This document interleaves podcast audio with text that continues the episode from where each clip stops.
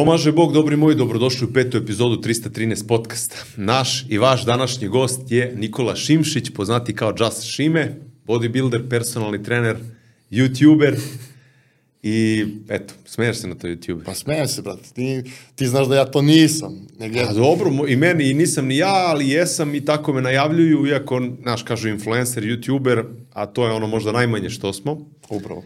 Ali nema veze, ovaj, to isto možda bio tvoj hobi, ali sad je i, i tvoj posao, tako da moram da te najavim. Deo lifestyle, da. Tako. E, pre nego što krenemo sa pričom, hoću da vas zamolim, ako ste u mogućnosti, da uplatite nešto novca humanitarnoj organizaciji Osmeh na dar. E, I ove godine, kao i prošle, organizuju e, odlazak na Kopaonik za decu sa Kosmeta. E, prošle godine su to bila deca iz Orahovca, vidjet ćemo koliko dece će biti ove godine i iz kojih mesta, uglavnom Metohija. Odlazak na Kopaonik, par dana da uče da skijaju sa našom reprezentativkom e, Nevenom Ignjatović. Tako ako ste u prilici, bacite pogled dole u opis, ima link e, ka humanitarnoj organizaciji Osmeh na dar. Eto, koliko god ste u mogućnosti, e, bit ćemo vam zahvalni, a najviše vam biti, najviše će vam biti zahvalna deca eto, sa Kosmeta. Šime, brate moj, šta ima novo kod tebe? Kako živiš? Šta se dešava u zadnjih e, mesec dana? Kako teku pripreme? Sad ćemo redom. E, ali pre svega da pohvalimo ovu akciju i svaka čast i uvek sam za to da se e, te humanitarne akcije podrže i da se pomogne koliko kol, kol može, kome god može, jer, brate, mislim da to treba da se radi. I drago mi je što imam stvarno dosta ljudi u okruženju mom koji se jednostavno ne, ne eksponiraju, ne pričaju o tome, ali zaista pomažu, iako, kažem ti, ne žele da se to zna. I to mi je stvarno drago. Jasno je, o, mislim da, znaš, suveš sad pričati da li treba, da li ne treba, treba da živimo u društvu gde u stvari nema ni potrebe za tim stvarima, ali to je neka priča ovaj, mnogo kompleksnija, pošto ne živimo u takvom društvu, ovaj, Jasno. mora da se snalazimo ovako i zato se i dovijamo na postoje, zato postoje uh, ono, mnogobrojne organizacije koje dobro rade svoj posao i koje uh, bez kojih ne bi to moglo da funkcioniše tako dobro, nije samo stvar ovaj obezbediti novac, mnogo je teže ta logistika i Jeste. sprovesti to u delo, znači nije samo novac. Ja vrlo dobro znam jer sam prošle godine organizovao sve oko odlaska ove dece, znaš taj logistički deo komunikacija, pa koliko dece ide, pa dogovoriš Jasno. hotel, dogovoriš hranu, ono, prsom, prsom je mozak, znaš, pored svega. Da, evo kad je tako da to mora za, da bude za, ono...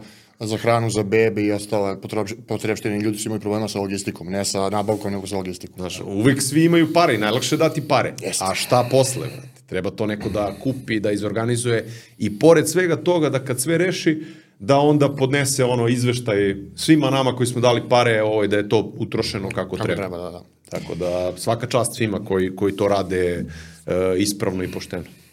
Elem, pitao si me da šta se dešava. I teo sam da pričam to u svom nekom videu i da okačem neki reels, međutim, rekao, ajde, dogovorili smo se, snimamo podcast, rekao, eto, idealne prilike da ispričam šta mi se dešava u poslednjih mesec dana, baš ovde u 313 podcastu. Uh, da me pitaš da li sam mislio da će mi se to ikad desiti, rekao bi, ma nema šanse, druže, vidi, ja sam 100% u tome i to je to. Čemu se radi? Poslednjih mesec dana uh, ja, znači, na trening odlazim sa mučninom. Ali ne sad kao, nego jednostavno bukvalno mučninom. Uh, znači, jednostavno ne trenira mi se. Toliko sam se zasitio svega. Kad, dođem, kad uđem u teretanu, brate, to je sve, to puca. Nije problem, taj trening se odradi od A do, do F ili G dok stavim svoje vežbe. Sam, same ono, vežbe Da, nema šta, šta je, šta je zacrtano u planu, broj ponavljanja, kilaže, sve će se odraditi, nije sporno. Ali od, moment da ja, da ja se nateram da krenem u teretanu, da odem na trening, samo znači ono prihvatio sam to kao posao, jer meni to jeste posao. Ja kažem, ljudi imaju pravo da odmore, da ovo, da ono, jednostavno meni je to posao i ja se tako ovaj, odnosim prema tome. E sad samo što je došao, jer to mi je, to, mi- to mi je velika, velika greška i sam uh, Adoni mi je rekao posle priprema, dobro, ok, idemo isto sve, samo malo se opusti, u smislu odmori se. Ne, ja sam bio u fazonu, to mora, sve ono, Nisi oduzeo gas. Ne, nisam, čak sam, uh, mislim da sam posle priprema i dao gas, jer kao u fazonu hoću to, i da bi došao u ovaj stadion gde sam počeo razmišljati o nekim drugim stvarima, e, generalno, pošto ono kao, ove godine mi je 30, Da, hvatate frka. Ja. Um, da, da, da. ovaj, ipak sto neke godine, šalim se, ali, znaš, rekao, čekaj, čekaj, čekaj, ono, vreme, je- ja u svima govorim da je vreme presudno i u, ovoj, u teretani, mislim, building fitness, nebedno šta god, jednostavno ta izgradnja tela i to, jednostavno treba, potrebno je vreme, okej, hrana, ok, odmor, trening, sve to moraš, a jednostavno vreme je to koje diktira, diktira rezultat. Tako da sam bio u fazonu, ok, moraš još neke stvari da rešiš, ajde sad to polako, treba se ono, fokusiraš malo i na posao, jer i posao sam, znači, samim tim što sam nezadovoljan ovim, e, što radim u teretani, e, automatski mi se odražava na, na sve u životu. Ali bukvalno, jer to je to, to je ono što ja, što ja radim, čime se bavim. Ako mi to ne ide, mislim ne ide. Ako ja nisam zadovoljan tim i ne odlazim na taj trening sa elanom i voljom, idemo da treniramo, idemo da se idemo da, da lomimo, ovaj, jer to mi je ono kao bilo i sad jednom samo kao fazonu, čekaj, čekaj, čekaj, ne, znači u tom aspektu ti ne ide, treba ti odmor ovde, treba ti ovo, i onda sam samo rekao, čekaj, ajmo ove godine malo, malo drugačije. Tako da ćemo sad to stvarno, ono, i stalno sam pričao o tome, ja moram da idem na odmor, pa nikako da odem na odmor. I uvijek imam nešto preče, uvijek moram završiti, uvijek moram da ispoštujem klijente, uvijek moram da šta god. Ne, rekao sam sebi ove godine, pošto pet godina nisam bio na odmoru, od 2018. nisam bio na moru, rekao sam sebi ove godine, druže, ideš, pa ne znam da je šta. Pa, e, u suštini, od svega ovoga što si mi rekao, sad ja sam shvatio da si ono pregoreo, kako kažu, burnout, Tako je. da je ono par godina ili možda čak i decenija e, treninga, fokusa na rezultat e, u bodybuildingu, na e, građenje biznisa, to jest tu, te poslovne strane i sebe kao personalnog i online trenera, pa na, eto, gomilo nekih drugih situacija gde ti e, grabiš, grizeš i onda te pukne realnost kao aha, sad evo 30 godina, gde sam bio, šta sam uradio, na šta sam potrošio vreme, da li sam dobro potrošio vreme ili nisam i onda te to u jednom te verovatno spucalo Jeste. sve da, da kao... Bukvalno to što si rekao sad, pukla me realnost i da sam, uh, pošto gledam tako neke podcaste sad nekih zanimljivih ljudi koji su meni, to, uglavnom su to glumci koji su mi dragi, za koje ono, čije stavove poštojem jako i to. Domaći strani ili... Domaći, domaći. I ovaj, onda sam tako nešto pričao pre neki dan i rekao, brate, imam 30 godina, ja sam u početku mislio da sam, ono, najpametniji za ovo, što, znaš, kao, to je to, ja znam. I onda sad, kao pričamo pre neki dan, ja kažem, neko, brate, ja mislim, ja, ja sam sve gluplji i gluplji, ne znam više šta treba da radim. I onda slušam uh, Tanju Bošković koja kaže, uh, veliki je problem ako mislite da, da ste mladi, a najpametniji. Tako da sam stvarno ono povukao ručno sad i sad ću malo to mnogo, mnogo laganije da radim. Pa dobro, mislim da ćeš svakako praviti progres i rezultat. Ja imam taj problem, iako ide sve, e, ono, s moje tačke gledišta, kad sve staviš na papir, sve ide sjajno. I viš, i, i bolje od toga, i kvalitetnije, a opet desi se, ne, ono, dođe neki period gde sam nezadovoljan, ono, Upravo pita me Ana, ko što si nervozan, šta je problem, ja ne znam da je kažem, ono, Da. nervozan sam što, što ne idu brže neke Vidi, stvari. e, upravo to. Znaš Kad bi stavio sve na papir, sad i kod mene, sve kako treba. I pričali smo i tvoj progres sa Adonijem i ja Sve, ti kažem sve, sve, super da. napredak i verovatno ti to i poguralo da kad si završio ono takmičenje da ti uđeš u, u nove Jeste, svi pripreme komentarisali, kao ajde. brate, forma je brutalna bila, ok, treba meso, ovo ono, i kao sve ide. Ja sam bio u fazonu, ok, sad, sad, sad stisni još, stisni još, i samo je bilo u fazonu... Mislim, ima tu i drugi stvari koje su uticale. Uh, moje ponašanje, to ćemo posle, moje ponašanje za vreme priprema, zbog određenih stvari, uh, nije, nije, brate, nije lepo. I utiče na Znači, drugi. narušilo je socijalne odnose sa Jeste. porodicom, sa... I sa porodicom, i sa E, na emotivnom aspektu, Jeste na- to. da.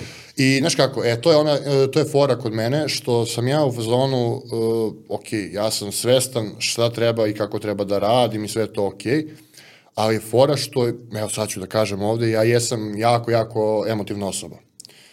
Uh, I u nekom momentu ja tu moju emociju zbog nekih stvari uh, potisnem, sklonim sa strane, ja sam sve super, Pa ne, može, brate, ti ide- iskazuješ emociju, brate, Tako je, imaš ali- 120 kila mišića i Da. kao, ne ide. Ne, ne ide. A u stvari Ali ide, onda, jebi da, ga, da. I onda kao nešto se tako ponašaš i samo skontaš, i to te u stvari opali po glavi, onda skontaš, brate, pa, ali to nisi ti. E, to je isto, to je isto problem za neke stvari, za neke, za neke odnose.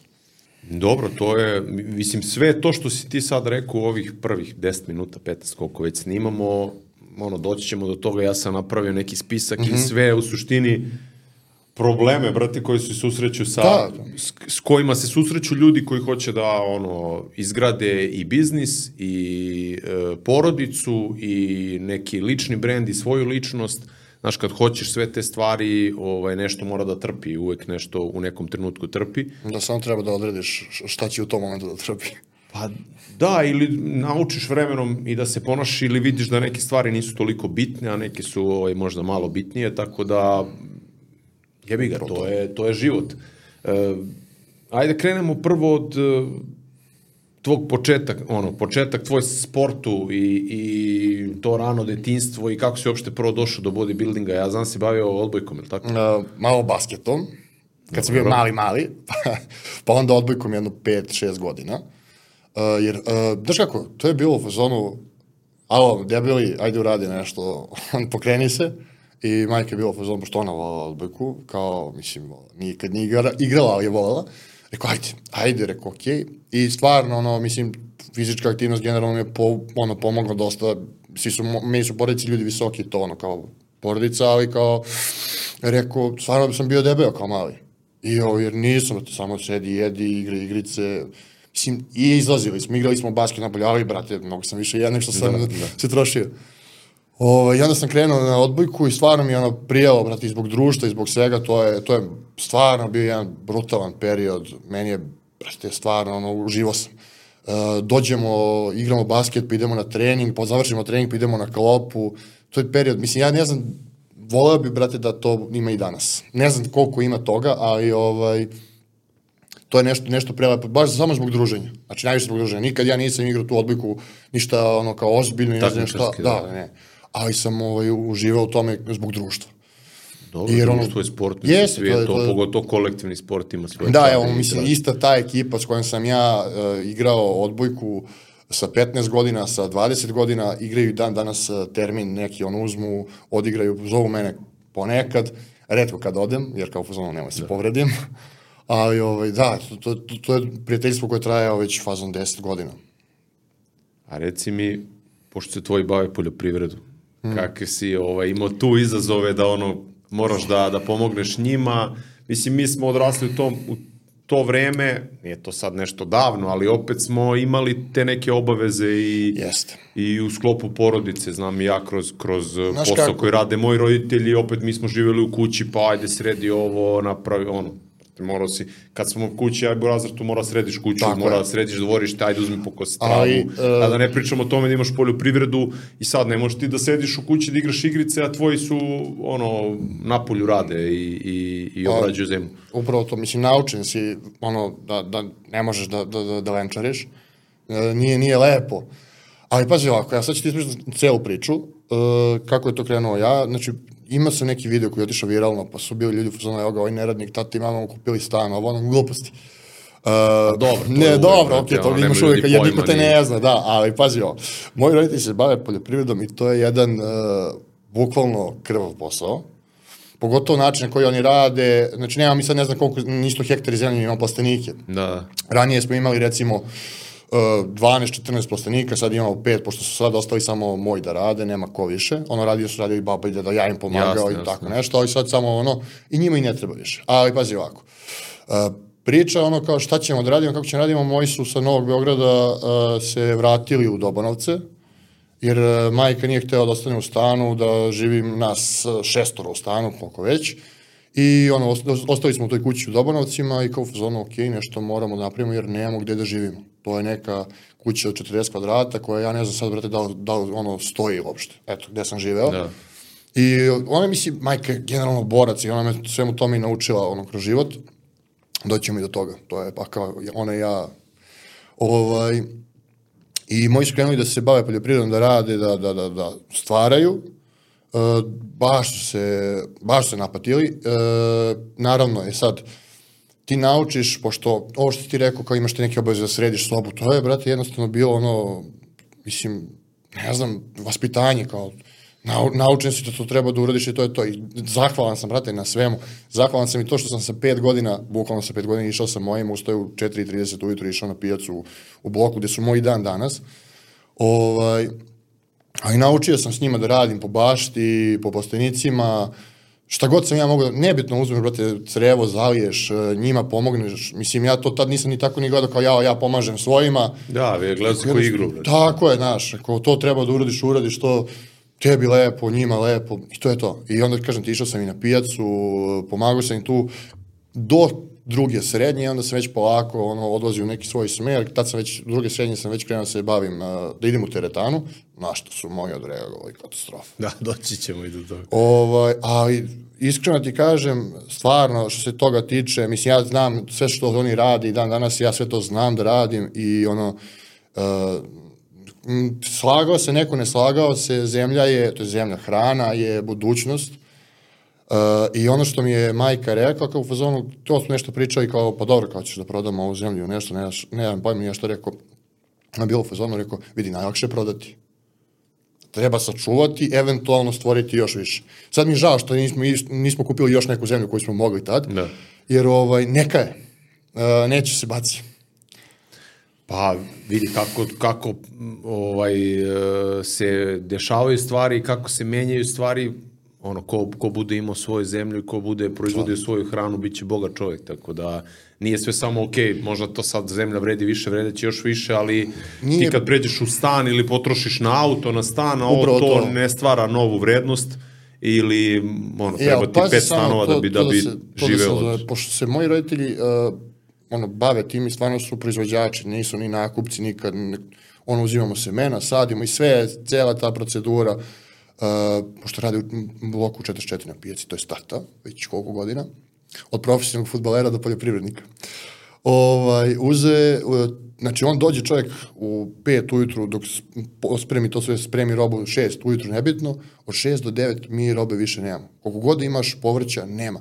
Znači to su, od nas uzimaju uh, ljudi već ono godinama i nikad ne menjaju, svi su ono prezano, uzimaju restorani, uzimaju pekare, jer ono upam, uh, pekare koje prave pite sa spanaćem, sa ovim, sa ovim, šta je, mi radimo sve sezonski. Znači, nema, ne možda imaš paradajz do decembra meseca. Yes. Znači, paradajz je e, vreme u avgustu, tamo u septembru, nemam pojma, tad, tad ga imamo i to je to. Isto tako, znači, kako ide sezona, tako imamo povrće i svi koji kupuju nas, brate, to je, nema, nema greške sa, sa, sa našim proizvodima. Ali stvarno ga moji rade sve. Ali svakako mislim, zahteva ako nisi automatizovao neke stvari, u stvari da bi olakšali sebi, oni mora da prošire to i da povećaju i obim posla i broj plastenike, broj ljudi, to, to već da. ulazi u neku sferu biznisa, mnogi ljudi nisu spremni na to, tako da kako pa njih to, njih to stvarno ne zanima, da, da. Je što je okej, okay, tako da, ali priča, dotakli smo se te teme da bi prosto ljudi stvorili sliku o tebi, ono, odakle te rade navike, da li su potrebne i da li se to stiče yes. od od malena i koliko to posle utiče na tvoj odnos e, na, prema treningu, prema poslu, prema nekim drugim stvarima. Mm, vidi sad ovo kad si rekao koliko to utiče, e, a sad stvarno ne znam se, e, radne navike treba ljudi da steknu što ranije. Mislim, jer utiče, utiče na sve što ćeš raditi kasnije, znači tvoj karakter, sve to, ali ona jedina bitna stvar, pošto je moj baš tim poslom koji se bave, i ja sam radio sve to, znači radio sam zemlju, pomagao sam je. Nije to sad vidi, ne znam ja šta, ali pomagao sam im. A sam naučio da cenim uh, i novac kroz to. Ja od svojih roditelja, um, za, za ovo što, čime se bavim sad i šta radim, kako radim, ne bi u životu tražio pare za bilo šta. Jer ja znam, vidi, ja radim, ja zarađujem i ti, svako od nas. Znači, svako ima svoj posao, neko zarađuje lakše, neko teže, nebitno, svako ima svoje obaveze, odgovornosti, muke, šta god. Uh, ali jednostavno ja znam kako oni zarađuju i ono sam fazonu nikad ne bi stvarno za neku glupost koja je meni ono ajde da kažemo luksuz, tražio pare od njih jer to mi je, to mi je solo, brate uzmi pa zaradi za, za to. E, isto Dobro, tako, znaš koliko se oni muče upravo da, da to, jer vidi, to ja kad sam pričao nešto, rekao vidi ovako, uh, moj otac uh, treba da ode uh, da kupi semena, da zasadi to seme, da zaliva uh, danima, da onda uzme da kad to, ta biljka poraste, da pazi na nju da se nešto ne desi, uh, kad, kad ono dobije proizvod da obere tu zelenu salatu, da je opere, da je spakuje, da je odnese na pijacu, da je proda, kad je proda, Uh, recimo, moji roditelji nemaju za uh, tu, to sve kad odradi i proda taj, taj dan tu robu, moji roditelji nemaju za neki pristojan ručak uh, u, u nekom restoranu. Da, znači, da, ljudi to ne kapiraju. Da. Stvari. Uh, I onda kao, naš, kao, pa dobro, kao šta je, odemo, odemo ti ja na ručak, dajemo 100 evra. Ok, meni je ok, ali recimo mojim roditeljima to kao, za, kao Da, ne zamislio. Znaš, mislim, oni se polome nedeljama za to nešto da bi ti kao, eto, kao, znaš. E, samo iz, iz te, imam samo taj odnos u smislu, znam kako neko isto tako zarađuje, ali isto tako poštujem bilo koji posao da neko radi, stvarno ono imam puno poštovanje prema, znači, od brate čistačice e, do, ne znam, preko dostavljača do, do direktora, ne znam nijako je firma. Znači, ja treniram ljude e, koji zarađuju i e, 300 evra i ljude koji zarađuju milion evra. Jasno, jasno. E, jako je bitno to i prosto sam taj odnos posle i, prema ljudima i prema drugim poslovima kad znaš kako se neko muči ovaj, e, naučiš da ceniš to i podržavam to. I ja sam isto tako i prosto ono, ćale kad, kad smo bili mlađi, ajde, ono, tu ste preko leta, hoću da radite, nema sad to neko ubijanje od posla, ali radiš u magazinu, radiš u diskontu, radiš u razvozu robe, A realno da vidiš ne moraš kako... da radiš. Realno Pa ne ne, moraš. ne, ne moraš svakako, ali, Ali si nau, nau to ti je ono da stvoriš neke radne navike, da vidiš kako to izgleda u realnosti, da vidiš, uh, znaš, tad je bila neka prosječna plata, možda 350 evra, da vidiš koliko se ljudi muče i rade mesec dana da bi zaradili ovaj te pare i ti onda drugačije ceniš novac i drugačije trošiš taj novac. Da. znaš. Nema, Jeste, jeste, jeste. manje se bahatiš, iako ne znači sada i ti ako imaš uh, milione da ono ne treba trošiš ništa, ne koja je poenta onda Jasno, ovaj, stvaranje poenta i svega, da, da. ali treba da naučiš to da ceniš. Tako da, mislim, pozdravljam to i, i uvek sam ti pričao da je to super stvar i da, da ti je to samo plus Pa u životu. to povrće.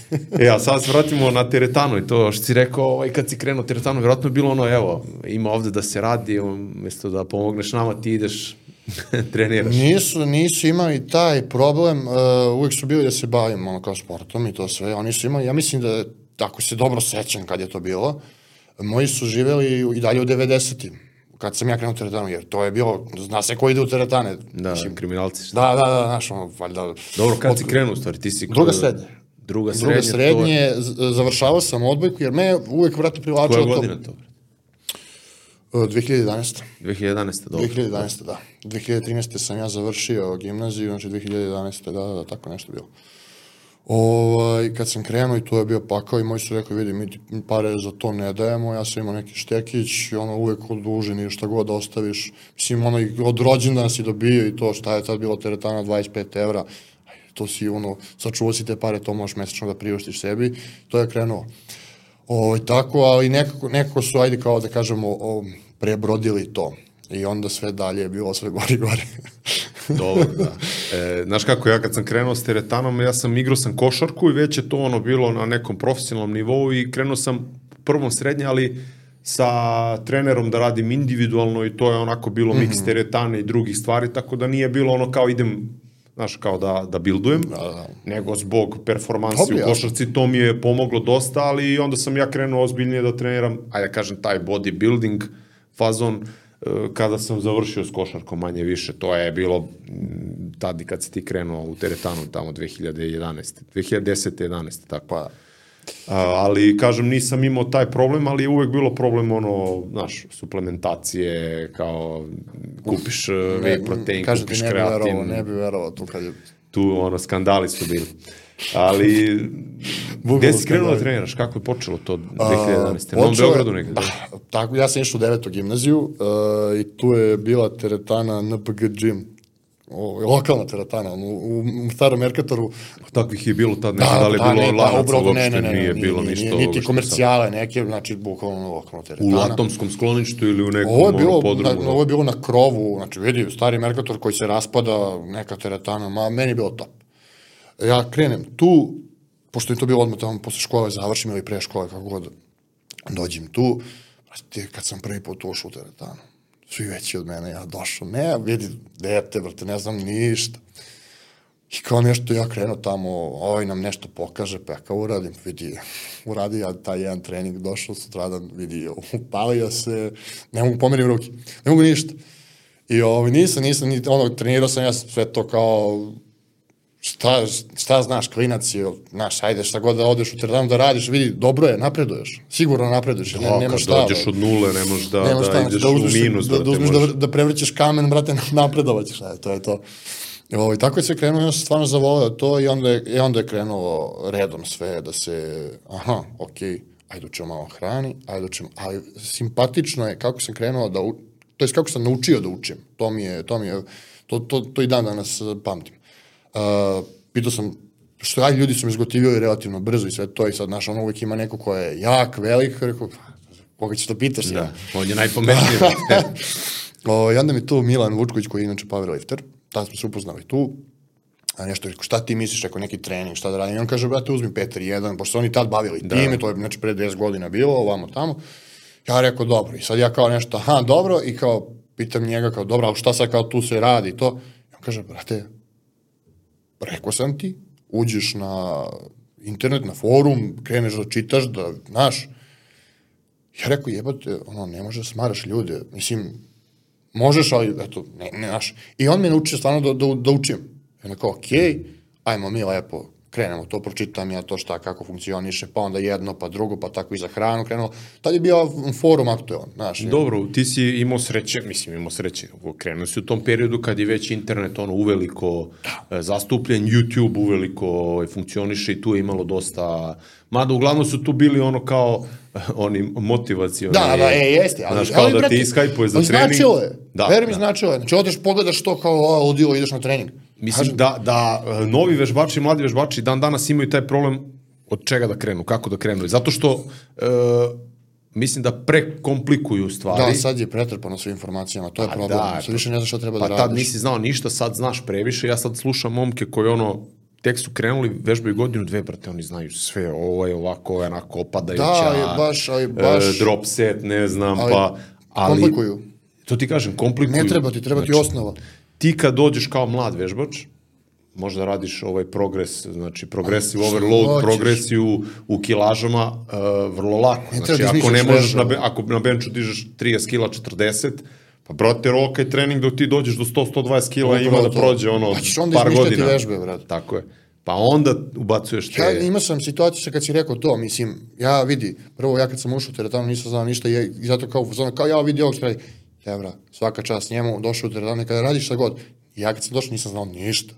I sad kao treba, i verovatno neko stavio sa strane i smeja, misli, zato kao i samo iz iskustva koje sam ja prošao imao, sad ok, kao mene vidiš u teretani, sad kao u zonu, brate, on zna. Da, a nisam znao ništa pre 10 godina, 15, nebitno. Uh, situacija gde ja dolazim u teretanu, uh, situacija gde ja dolazim u teretanu, uh, sad te klinke, ajde, moram stvarno klinke, kreću neku vežbu da rade za leđa, nebitno ni koja je, to je sad vidim da je aktuelno na mrežama, to mi je jasno, znači šta vidiš na, na, na Instagramu ili gde god, to ćeš da...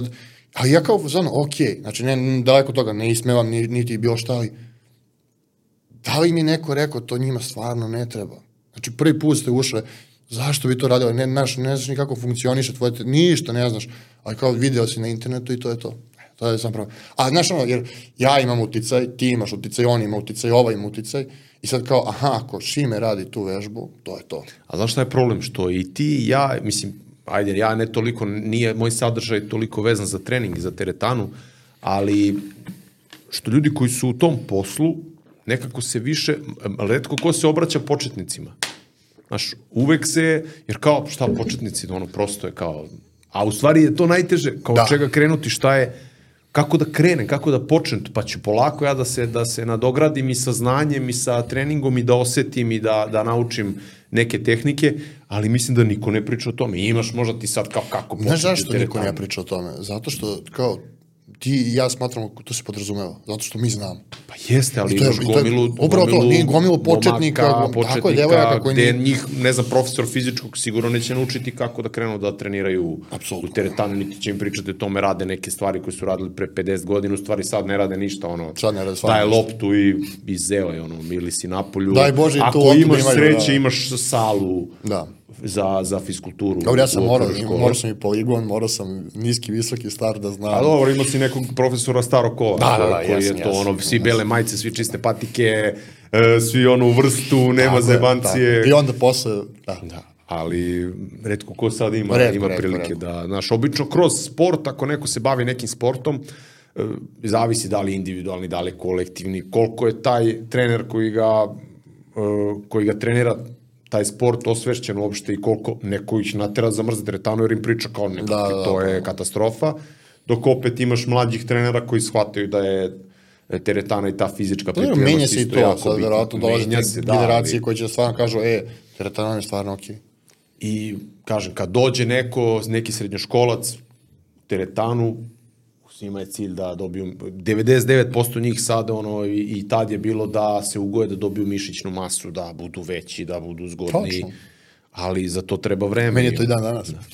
Normalno, je, to ti je posao, ali za to treba vreme i mislim da onako upadnu i izgube godinu, dve, tri, ono, bace u prazno, dok uopšte ne uđu u neki ritam. I ne da. Možda mora tako.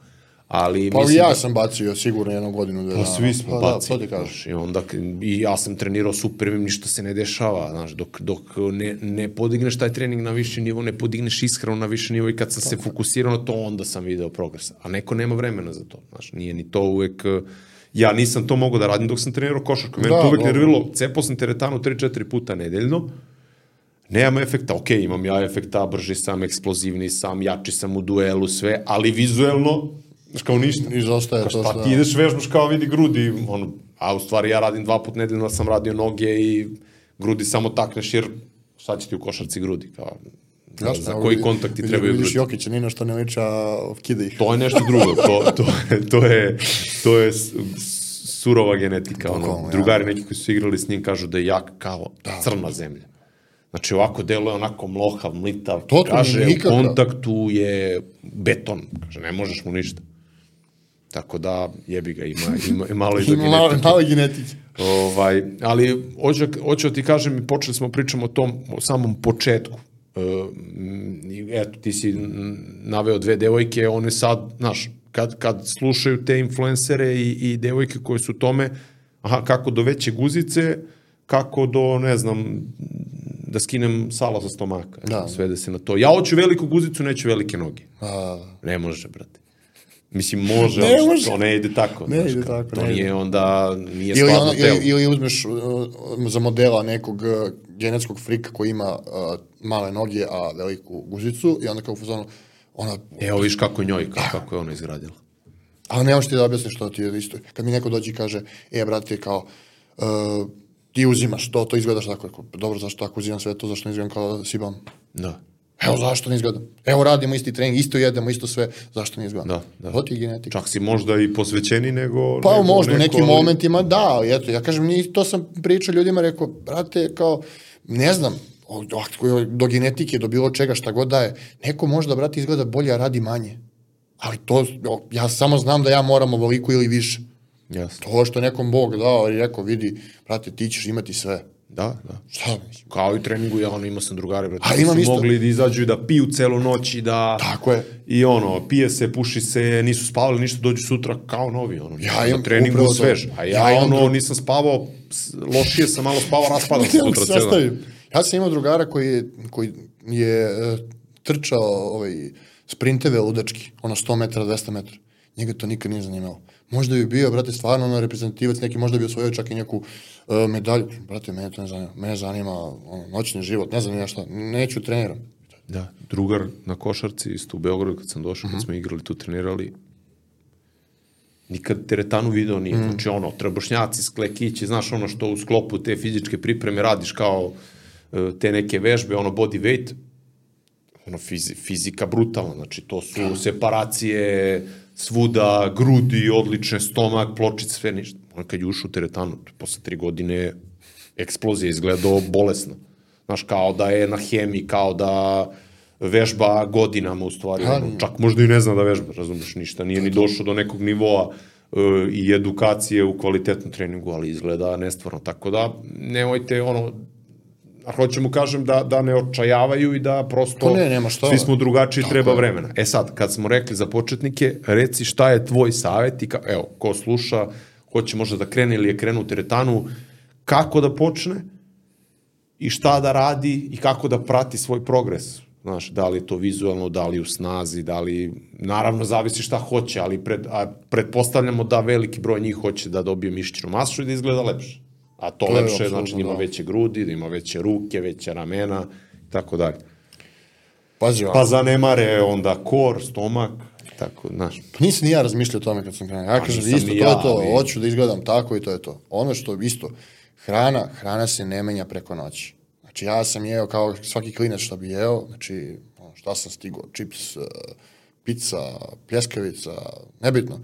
Krenuo sam da menja to, nisam ja kao, sad to neko misli sad kad me vidi šta jedem i kako jedem, kao, brate, eto. Ne, isto, i samo sam smanjivao, aha, imao sam četiri sranja obroka, sam imao tri, jedan dobar, pa sam imao dva dobra, dva sranja, pa i sve se to tako promenilo i jednostavno je došlo do, do sa, savršenstva, evo za mene, mogu kažem slobodno savršenstva, što se tiče ishrane.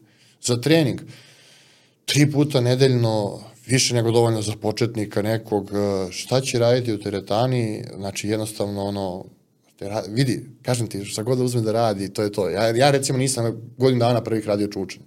To mi je bilo, uf, ovo je opasno. Jer te neko uplašio kao, Da, nemoj to, da, ti si nov, kao klinac Još ti izgleda da... da... ono, izgleda ti ono, brate, opasno, kad staviš neku kilažu i to, znaš. Ovaj, šta, šta će da, da, šta da prate u teretani? Uh, uvek ogledalo. Meni je ogledalo nešto, isto tako, to sam i sad primenjujem, znači jednostavno kilaže koje radim ili broj ponavljanja, jednostavno ako hoćete progres mora da raste. Znači, da li će da raste ovaj trening kilaža ili će da raste broj ponavljanja, nešto mora. Da li ćete to da zapisujete, da pamtite ili šta god, nebitno, ali mora da se, da se, mora da se ima neka, ne, neki uvid u to. Znači, jednostavno to je to. Jer ako ti radiš tri meseca, četiri meseca istu stvar, jedan period ćeš napredovati. I onda ćeš da nastaviš da radiš to. Znači, ja, ja bih rekao ovako, da ne komplikuju, to Nikako je da jedan, ne. znači da ne komplikuju, znači jednostavan trening split Tako je. sa jednostavnim vežbama za početnike. Tako je.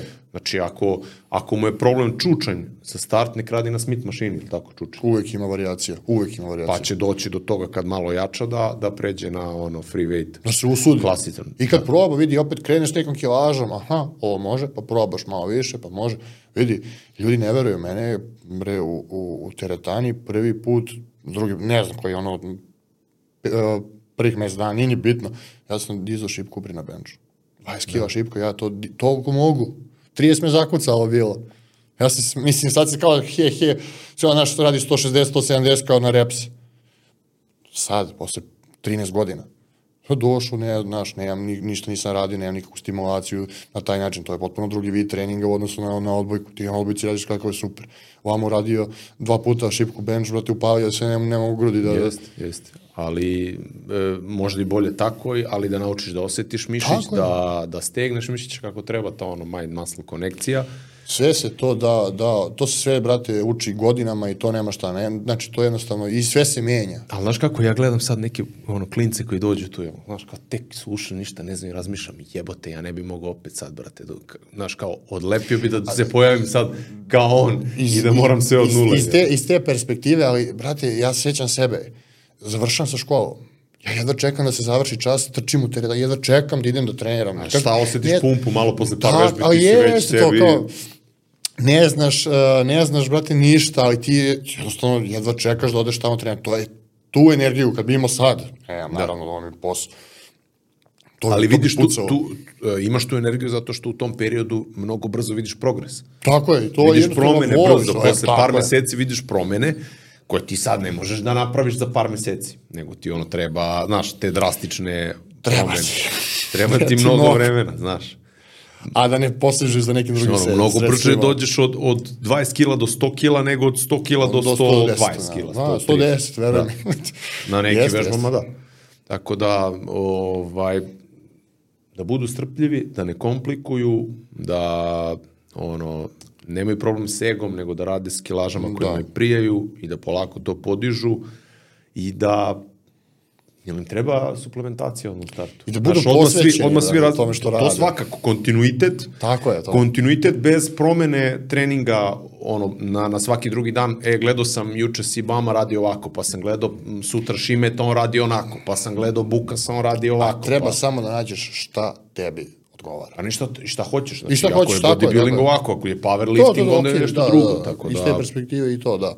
A ne, neko ne zna, neko se nađe u, u posle par godina, vidi da onda možda nije stvoren za uh, bodybuilding, ali je ja... I ja znam, hoću ja znam masu ljudi koji, kojima je u bodybuildingu nije problem, brate, ni, ni trening, ni to, im je problem hrana. Da, Znači, meni je problem hrana, Da, ja sam za, taj koji ti za bodybuilding, znači što se tiče, hoćeš U formu. stvari da jedem, nije mi problem da smršam i da budem disciplinovan. Da, jedem puno hrane mi je problem. A ako hoćeš neku određenu masu, evo ja sad, meni je cilj 125, 130, ja sam trebao na 115. Ja, koliko si hidrata sad? Brate, 700 hiljada. Ja bi se usro da pojedem 700 grama hidrata. A vidi, sad, sad mi je okej, okay, stvarno mi nije problem. Meni je, kreće problem negde na, na, na 900. Ono da, da mi bude... Brate, meni je problem na 300, znači na 350 kad treba ja Ali da... pričamo, pričamo o clean hrani. Naj, najveći problem... Nije o clean hrani, ne pričam ja sada pojedem, znači pričamo Da, da, o da. pirinač, uh, Pirinač, griz, krompir, griz, ovsene, cornflakes, krom- da, to je to. Ovsenik po, po 300 grama vrte dnevno. Pa, brate, ti ga spremiš 100 grama griza i, i dodaš onaj vej, to je ono puna činija. Ajde, dobro. Dobro je, ali to je 80 grama hidrata, brate. Gde je još 10 puta toliko. Da, da. Meni je to problem, ja ne mogu, ne mogu, Da, kažem ti, sve- stomak sve nisam, ima- nisam sve- sve stvoren za to, sve brate, da mogu da, da, da varim. A, ovaj, i, toliko ovaj, kažem ti to, i tu, i tu sam, i ja sam krenuo da se gubim tu, što ti kažeš, gledam ovo, gledam onog, pošto, ok, kao, to ti je posao, moraš da i da učiš i da ovo ide zanimate vamo tamo. I, brate, gledam, rekao, jebate, izgubit ću se ovde. Znači, ovaj radi ovo ovako, ovaj radi, onda ovaj priča ovu teoriju, ovaj priča ovu teoriju.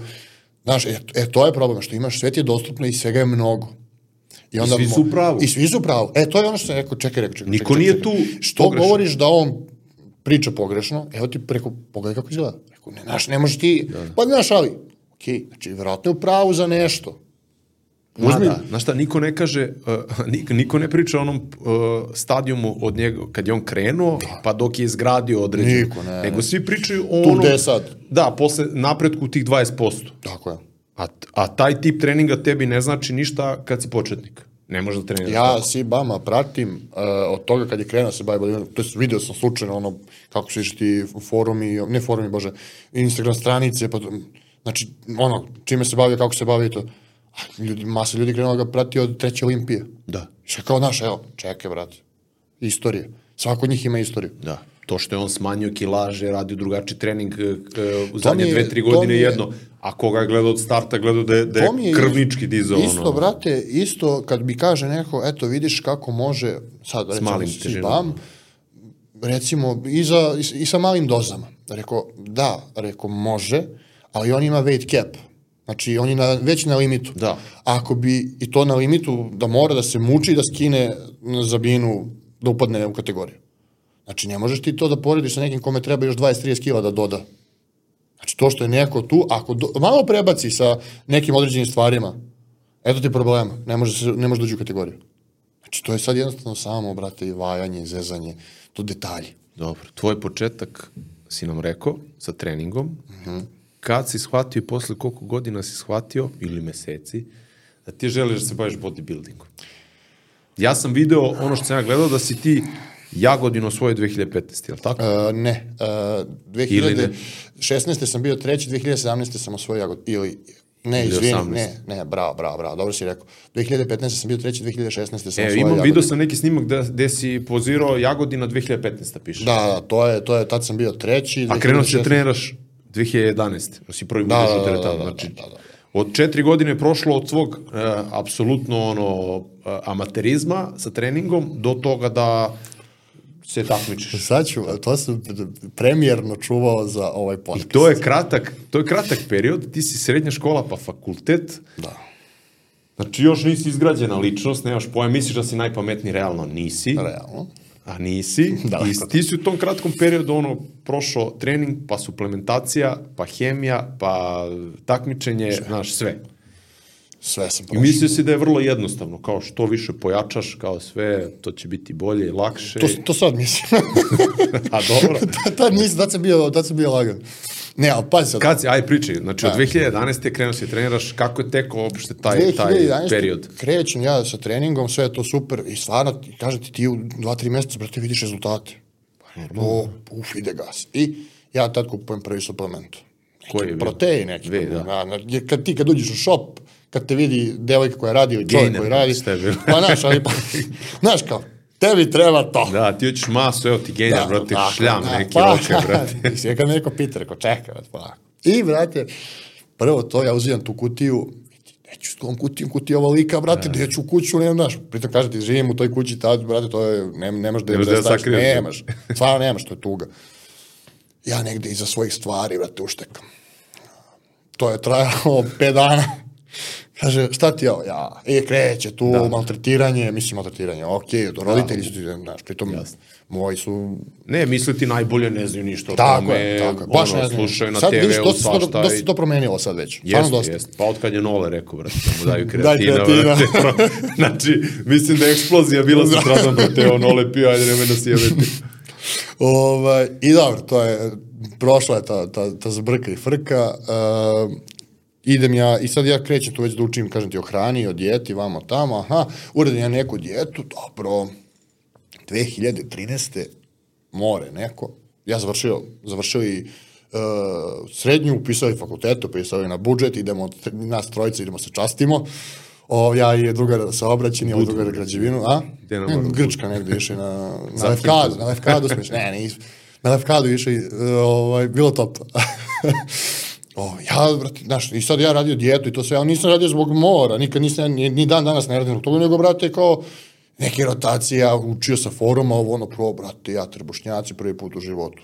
Znaš, ja nisam imao bre venu po rukama, za koju zonu vidi da imaš preko, da, sad imam, brate, ono vene po leđima, kao tad, ja kao neki trbušnjaci, ovo ono, sve, svi vide to, znaš, kao, meni je, brate, to ludilo, meni je to top. Jer bio, ono, deb, Bro, debeli. skače ti ego, Da, te hvale, evo ga. Da, ali da vidiš, mislim, meni je, kažete, meni je značilo što sam bio debel i kao u ja nikad neću imati trbušnjake. Ja, top, top, top, to top. Vratimo se mi sa mora, sve top. Nastavim ja masa, djeta, masa, djeta, ali kako je došlo do, do, do toga da ću ja se takmičim? Ja sam u svom jednom videu pričao da sam ja tražio povod za hemiju. I to mi je bilo, aha, ja ću se takmičim. Ali, moram sad ovdje, kod tebe ću da kažem, to ću da priznam, Nije to bio, brate, jedini razlog. Mene tad devojka prevari. Tad, nije, bi- mislim, nije to sad, brate, smešno, umro bi od smeha. Ja sam Dobro. tad imao neku devojku. Kad 2013. To let. Uh, ne, 2014. Da. Da. 2014. Ovaj, tako nešto i tad sam ja odlučio, spremam se takmičenje. Ovaj, jer ja sam, kažete, tražio sam povod, kao ajde da, da se takmičim ovo ono, meni se to desi, mislim, brate, kažem ti glupost, i ja kažem fazonu, okej, idemo se spremati. Sad ću ja ti pokažem kao koga si prevario. E, ali to, je- to je nešto, ta, ta, ta glupost, ali da, to, to me, te stvari me radi dan danas, brate. To je nešto, ali priča, to je inat neki koji, ne znam, Pa ali... dobro, uvek mora da nađeš neku me- motivaciju da, to me- negde, to me u nekim to me stvarima, da pokreće- kao pokažeš nekom da kad ti- neko kaže ne možeš ili... Pričat ćemo za takmičenje, to, to jedno koje mi je bilo pakleno uh, od strane roditelja i to je, to je taj inat koji te, koji te izgura do kraja.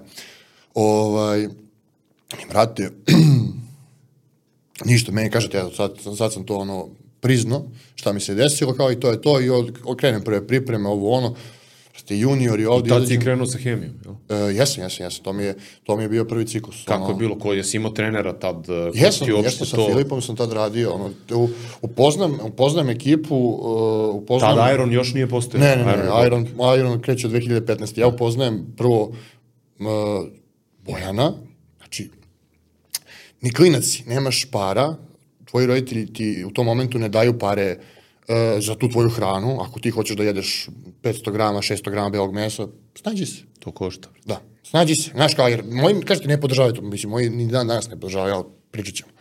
I, ovaj, ja nađem neku i sad, ono, dovijaj se, smišlji šta, kako. I ja nađem, upoznam Bojana i kao u zonu, e, imam ja, nek, uzimamo od te i te firme file, pileći 350 dinara, kilo, rekao, brate, daj. Idem ja, Znači, uše, ušemio si se. Da, da, da, da. Upoznajem tad njega, upoznajem tad njega, ja to jedno večer ne mogu, znači ne mogu da, da, da, da, da, da se smislim. Upoznajem tad njega, on me upoznaje, ja, i sad pričam, i sad misli, Bojan, ja neozbiljno, on, ja hoću se spremam za to, i od tako me on upozna sa Filipom. Onda upoznajem Filipa koji me posle sprema za to prvo takmičenje, drugo takmičenje, sve prolazi top. Uh, to jedno veče, on naručio mi neku, nek, neki file moj nešto posvađani mi, mislim, a naravno smo posvađani vas da oko treninga i oko svega. Ja treba iz Dobanovaca da idem u Surčin po, po m, 15 kila fileja. A jaja si kupovao jaja. Nisam, imao sam domaću. Domaću. Domaću. Pa sva jaja si pojao, nema šta za pijac. Ovaj, Jeli? A, pa nije, to je sreća, sreća, sreća, pa kao, na, to je, baba i deda su finansirali se ja. Da.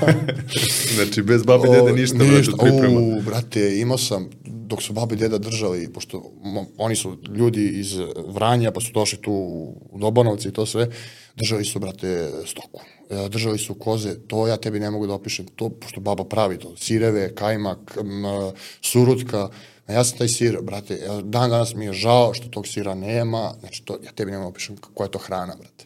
To mi je uživanje, to je, cijel život sam imao sve domaće, cijel, mislim, dan danas imam, ali, znači, to je tad bilo, imaš sve, imaš, brate, svinjsko meso, imaš, imali smo kravu. A, jasno, sve, sve znam uživanje je bilo.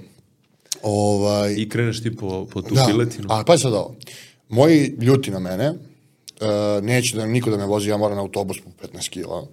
Ali meni treba, razumeš? I to je, i to je ono što kažem, ako tebi treba, brate, iscimaj se. Neće niko da ti pomogne. Pljuš ti kiša neka, autobus na 45 minuta, sat vremena, vikend. Ništa, brate, ja... Iz Dobanovaca gde si išao? U Surčin, u Surčin, da. Šesto trojka. ovaj, I neće, neće moji, brate, ni da čuju kao u fazonku, brate, dobro, ja, brate, kapuljača, jakna, tamo do njega, vamo tamo pokupim ja to, nazad vidi, mokar, pa pakuje onu, onu, one fileje u zamrzivač, nisu naš, ni, ni da čuju, brate, ako hoćeš, ako sam sve.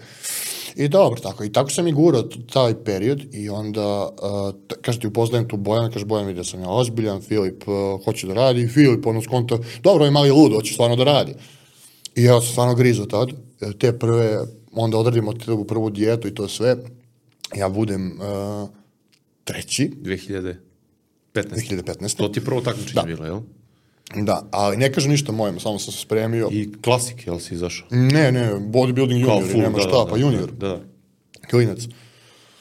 I ovaj, završi se to sve, ja budem zadovoljan, tipa tu treći, državno treći, ja mislim da je tad bio Beograd Open treći. Da. Sve super. Ti si tada imao, da kažem, ljudima 21 godinu, tako? Mm, 20, 21, da, da, da. Da, 21, 22 i 23 je bila poslednja juniorska, tu sam završio u Pragu. Da. Jeste. I ovaj, drugo takmičenje, brate. To je sad već mene, ono, prvo me zavozao, bilo top, tu sam imao malo, uh, ja mislim da to tad bilo, da, tad je bio haos meni sa hormonima, jer to, ne, to je, izvini, 2015. kad je bilo to takmičenje, tad je već, tad smo otvorili Ti si bio na takmičenju, u Jagodini je bila verovatno jesen neka, tako? Da, da, da, da. Kad si krenuo, kako je uopšte izgledalo, e, krećemo sad pripreme, si to početkom godine. A tad smo, tad smo otvorili Iron. Tad smo 2015. Ne, sad ćemo da pričamo sve to, ono, kako uopšte je ovaj, došlo do toga.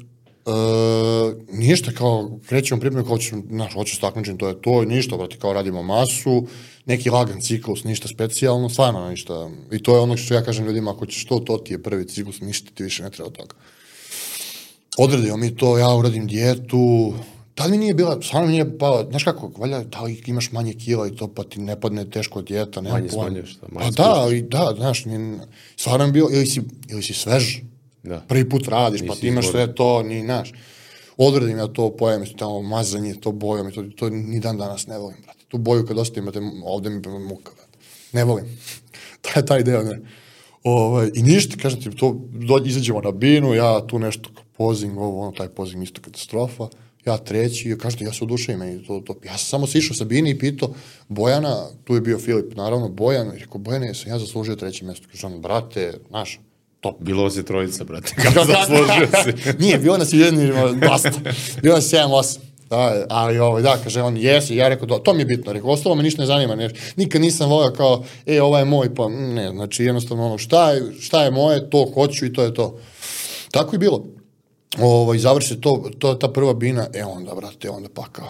Onda pakao sa hormonima, ali to je, e, tu je greška. Tu kad si prestao, jer tako, vjerojatno si bio uh, na ofu. Napravio se pauza, uh, napravio se pauza, on, uh, fore što je mene, uh, mene ovaj, dosta drndao san, jer tad, kažem ti, tad se već otvorio Iron i ja sam radio sve u Ironu.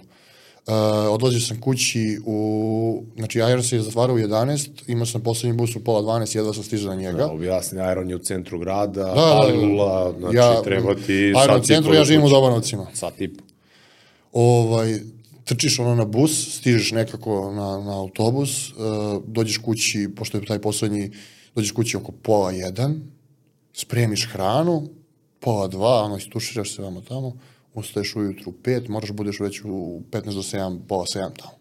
Pa kao. I tako godinu dana. Jer nije imao ko da radi, uh, ja se cimo oko svega, uh, Znaš, kao, nem, nemaš ni menadžera, mislim menadžera, nema, ok, to je jedna A mala dobro, teretana, to je bilo ono ali kao, vas, vas znaš, par sa uh, majstorima i to. entuzijasti, ajde krećemo. Bukvalno entuzijasti, brate. To, kako su oni ušli, to je kako su mi ušli u tu priču, to je, au, brate. Mislim, Iron je sad brend za sebe i stvarno okuplja i- neku gomilu jeste. uh, ozbiljnih uh, i powerliftera i trenera i vežbača i nekako se napravio kult oko tog Irona, ali daleko od toga da je to bilo lako uopšte napraviti, je izgraditi bilo, to je i tek je, mislim, da je Iron i krenuo tu da zarađuje ozbiljno kad je došao Novi Beograd, da je tu Da, počeo nešto, sad- sad- da, sad- sve te biznis strane da ima smisla. Sve do tad mislim da je bilo ono samo, Samo, da, ljubav, ljubav, prema ljubav, tomu. bukvalno jeste, to, to se slažem. Uh, Tako da evo i za uspešan biznis ti treba ljubav i treba mnogo vremena. Ono, da, da kažem voliš to sad, pa da, kad, da dođe. sad da da- me pitaš kao, jel bi otvarao to tad tako, rekao bi, vrto suludo. Treba budeš lud, brate. Znaš, ono, pritom treba da upumpaš lovu koju nemaš. Svaka čast, svima tu. E, a tu, tu su su me, aj sad ćemo pričamo o Ironu već kad smo... Hajde, došli smo od toga, to je 2015. kako se, Da, kako- kako je Pazi, na, ja- nastao Iron, pa ćemo onda da, da, da pričamo ajde, o, o tvom iskustvu dalje s takmičenjem sa Da, da, da, da vidiš kako... anabolicima, da, vidi, da vidiš kako, kako te majka i otac skoliraju pred, pred ga. takvim pakao. Ovaj, uh, Iron, uh, upoznajem Bojanu, upoznajem Filipa, uh, jedan hoće da otvara teretanu, Bojan ima tad neku teretanu Stočinu na lokalnu, Filip hoće da otvori isto teretanu, on, isto, kako, ti ljudi svakim svima. I imam drugara na Malti, to je Cvetića, koji hoće da uloži neke pare u Srbiji, da otvori ovaj, isto nešto. Top. Cvetićem se znam godinama, trenirali zajedno u NBG džimu, Bojana upozno, Filipa, s Filipom radim treninge, dobar dan, dobar dan, upoznam ja njih trojicu. Znači, brate, niko se ne zna tu. Ja ih znam sve ono, ali kao... Ja, ti posreduješ, ono, niko između svih njih. tako je. Niko se ne zna, i ništa, se okupimo se, mi hoćemo i kao... I stvarno vidi, ja sam bio u fazonu, brate, nema toga ništa. Krenu oni da gledaju neke lokale. O, nađu lokal. I tu kreće zavrzlama. Krenemo mi da, da radimo. E to je recimo zašto su recimo ljudi koji rade nama spravi dan danas i majstori koji rade i dan danas izvode radove i sve to. Pa evo sad otvaramo Bigs. Da, znam. Vidio da Ovaj, su krenuli radovi. Ovaj, to su ljudi koji me strašno gotive poštuju zato što sam ja sve vreme proveo s njima. I sa majstorima za sprave kad su bili i dolazio i stalno uvijek sam bio s njima i sa majstorima s kojima sam radio stalno sam bio. Tako sam batalija fakultet. ne? ovaj, ništa, okupim, nije, skrpimo tu, to jest oni, momci skrpe neke pare, krene to polako, taj lokal da se renovira, to je bila banka tu, skidali neki sef, ludilo. Krene to da radi. Te prvih dva meseca sediš tamo u onoj rupi, dole, ma kak, brate, ne, uđi neko slučajno ono, za autom, kao je ovde banka, reko nije, gore, ovo, jer tu je bila ranije banka. I ovo, ništa, tako je krenulo, i onda je to krenulo polako da se okuplja neka ekipa, uh, da Kaj je došao Bukas? Uh, Buki je došao par meseci nakon otvaranja. Tipo 5-6 meseci. Bojan ga je zvao. Bojan, da. Bojan i se znali sa foruma, tad Extreme bio aktualan Da, da, forum i oni se znali.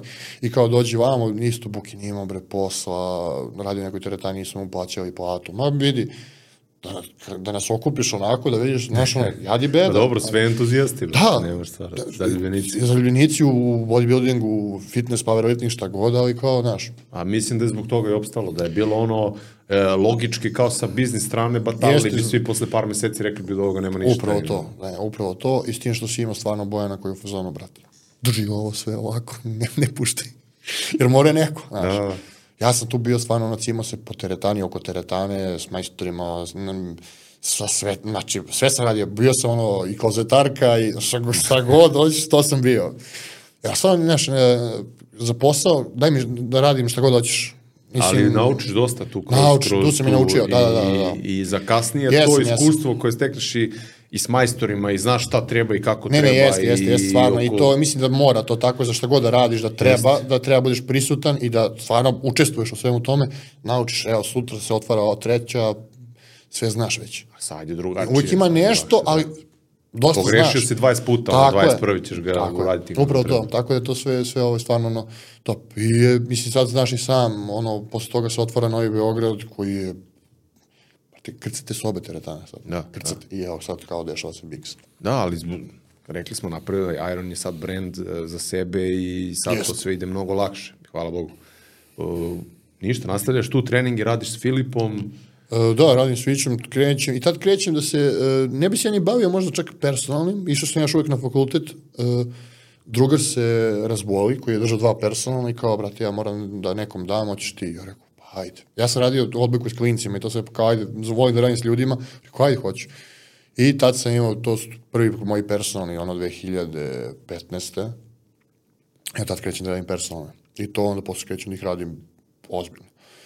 Ovaj, ali, e, kažem ti, to ti je bilo ono svakodnevnica teretana, tvoj treninzi, personalni, Da, fakultet i- kad stigneš. Tako je. Znači, ono, ja sam, uđem u teretanu u 7 ujutru i da odem, kažete, do faksa ili šta god, izađem. Fak se opet saobraćeni na drugom na, kraju. na, na voždovac ideš. I to sve autobus, pa do, do kad sam ja voz, ovaj, do 2021. Pa dve, tri godine, da, da, da, da, kupio da, auto. Da. Ovo, položio. Da, to, to, je bilo, je, to, jeste. to je bilo ono, kad budeš imao pare sebi da kupiš kola, to ćeš položiti.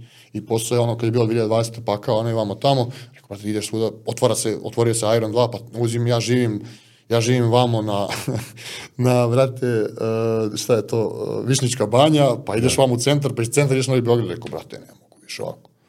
Moram, znaš, i tad sam završio, završio vožnju i onda kupio auto sebi i onda polako dalje sve.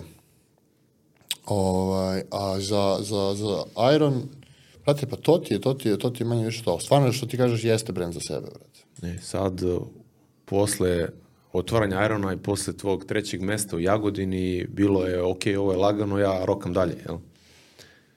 Pa, jel, jeste, ja sam bio u Tako fazonu... si bio, tako si razmišljao. Da, znači ono kao tu teretana, to sve cool, ja hoću ovo da radim, drugo takmičenje, to, aj, pošto kažem, moja majka, ja mislim, da sve ovo što budem pričao, da me neko ne shvati pogrešno, moja majka mene jako voli, valjda je to zato, i, ali jako smo, jako često smo bili na, na, na toj nekoj ratnoj nozi. Znači, i vrate, ja druge pripreme, tad sam uzeo sva prva mesta ovde, tad sam, i na Balkanskom sam tad bio drugi.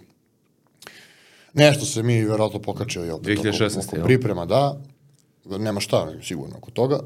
Šta ti to radiš sebi, bla, bla, znaš kako to ide. Da još moji ne znaju za hemiju, ne znaju. Da. Ne znaju. O, oj, to ti isto pakao. I, uh, ništa, nešto se tu ona naljutila na mene. Dobro. Šta da radim, ako to je standardno. Ovaj, ja pripreme radim, vidi, već sam ono, u pripremama ono, poslednjih dva meseca, umoran si, radiš po ceo dan i dalje tad u teretani, pa sam, tu, tu sam batalio posle. Ovaj, I, znaš, ono, lupam, kod mene klasika u kući bila, opere se veš, majka ispegla, složi mi stvari, ja stavim stvari u sobu, u ormar i to je to. Došao vikend, opro se veš, moj nije opro. Dobro. Rekao, ništa ubacim ja veš u mašinu, operem ja. Pa nije ni opegla ništa, brate. Aha, rekao, to je to, treba sve sam da radim, okej.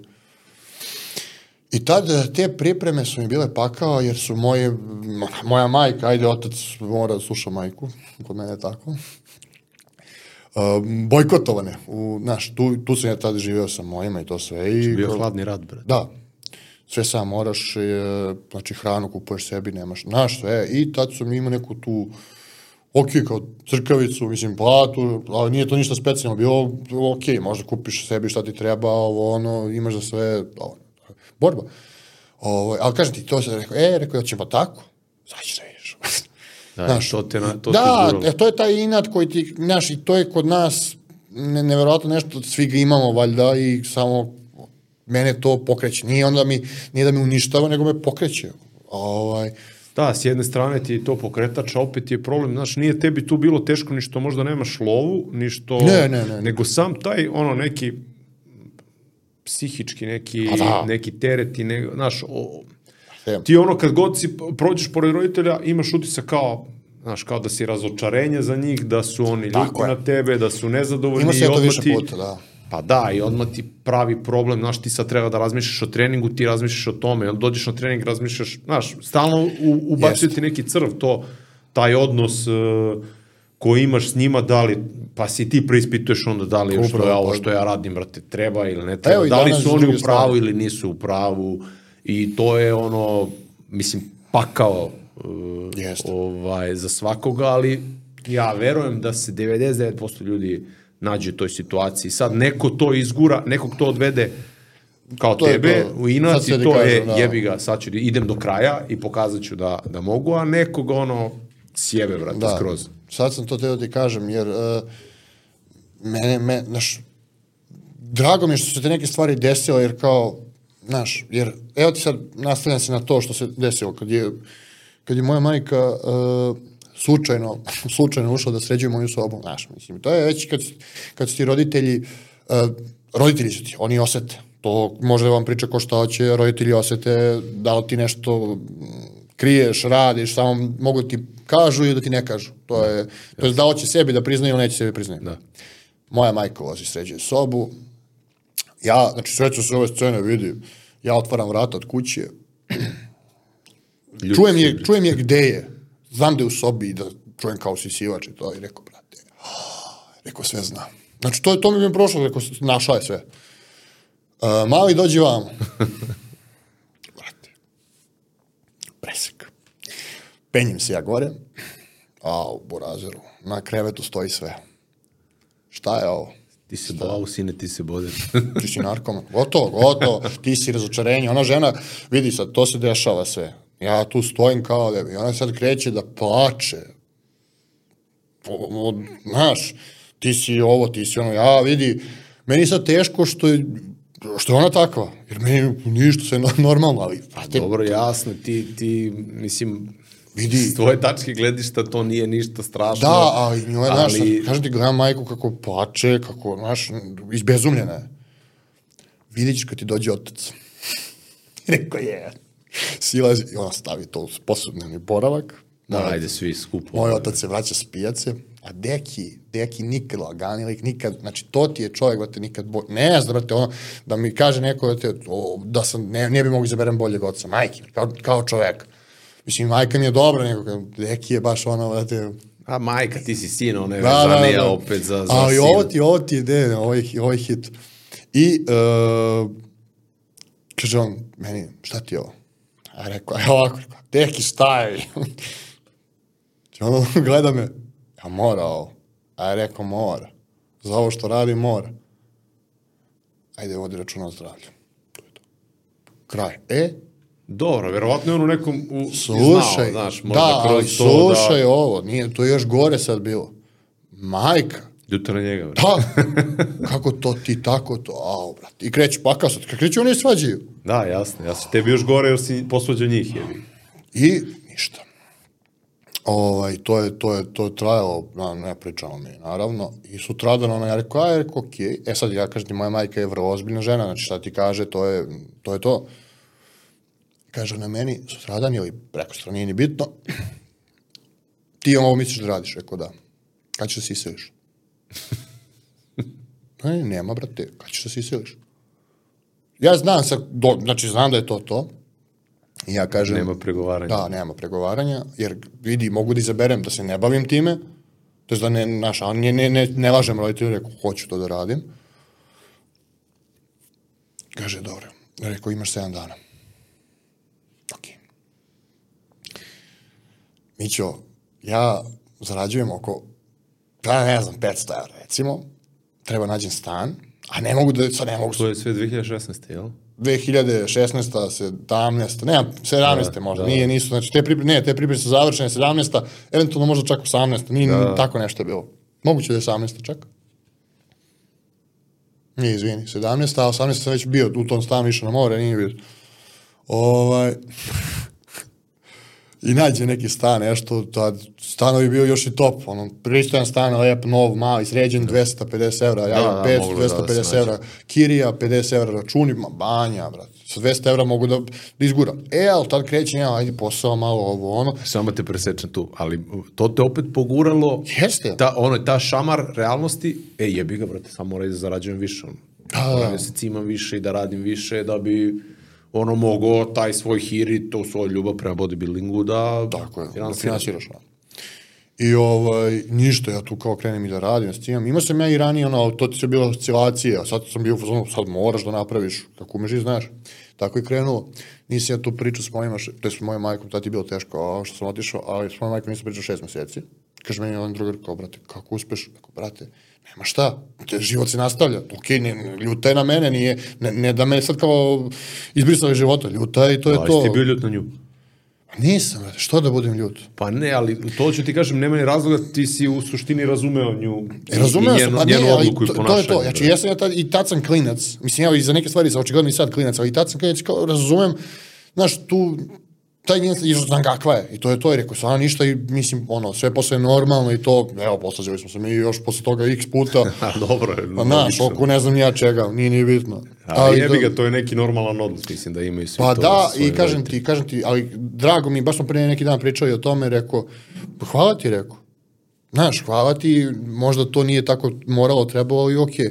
Isto to kad mi je došao i rekao kao za ono, pošto ja stvarno za ovo što, čime se bavim nemam podršku mojih. U smislu, neće mi, ne bi mi Da, pomogli. nikad nećeš imati, brate, vjerovatno.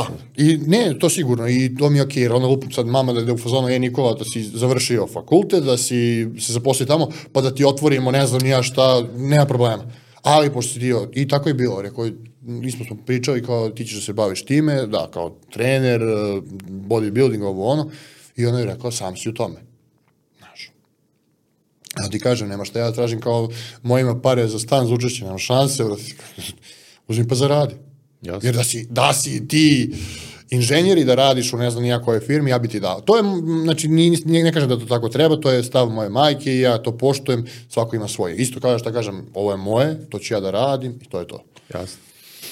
Tako da, znaš, s te strane, e, i to, mislim, s jedne strane jeste jako teško kad nemaš e, podršku roditelja za te neke stvari, ali, brate, mi smo stvarno, ne, ne mogu kažem, znači, ja bih volio da, da 90% ljudi ima odnos kakav ja imam sa roditeljima, kao zbog porodice, zdrave porodice. Znači, mi smo, evo, sedimo na ručku, zezamo s prvom, ja dođem kod njih vikendom, ona kaže, ajde idi kući onda radim. Špo je u onom fazonu, sve kako treba. I to mi onda kažem, i- za tim, sad ono kao, ja gledam, sad, sad se prebacili na porodicu, uh, ja bih samo stvarno voleo to da imam. Znači da imam, uh, da moje dete sutra ima dva zdrava roditelja, da to bude zdrava porodica, da se ta porodica podržava i ono, ostalo, mislim, brate, sve materijalno, možda imaš, dođe, prođe, nebitno je, ali da imaš ljudi koji će biti tu. Ali tu mora da se, da bi to funkcionisalo, svako mora da ono svoj ponos malo proguta i Mora. da pređe preko nekih stvari, jer ti si mogao da odeš u drugu krajnost, da budeš smrtno ljut na nju, da ono teraš neki inat i da ne pričaš možda ni, ni evo ni dan danas sa, sa to njom zbog toga i da kažeš nekom sad da pričaš tu priču, svako bi ti rekao svaka čast Da, da, si da. u pravu, znaš. Da, to tako da. treba, a u stvari znaš, mora da shvatiš i, i svačiju perspektivu tu. Apsolutno. Verujem, i, i ona da ispriča svoju priču, opet bi Ba, op- rekao, ovo ima smisla, tako je. Da, ima smisla. Tako kao, to- ti si mu obezbedila sve, kao upisao je fakultet, ima sve, on je rešio sad, ne znam, da narušava svoje zdravlje i da ide u neku drugu krajnost koja nema perspektivu ili koja je ono, znaš, a nema perspektivu u tom trenutku svakako. to što si rekao, to je stvarno tako. Bodybuilding kao bodybuilding, što se tiče biznisa, to je nema perspektivu, brate. sport kao sport, kao profesionalni bodybuilder nema. Znaš, Ne, to što to, to, ti to. indirektno kroz to možeš da napraviš uh, To je drugo. neke druge stvari, poslove, to je drugo. Ali ti bodybuilding ne treba za to. Ne, Ti možda i- budeš personalni trener da ne budeš bodybuilder, kao što ih ima ja, s- 90%. Tako je. Znaš, ne, nije, ne vuče jedno drugo.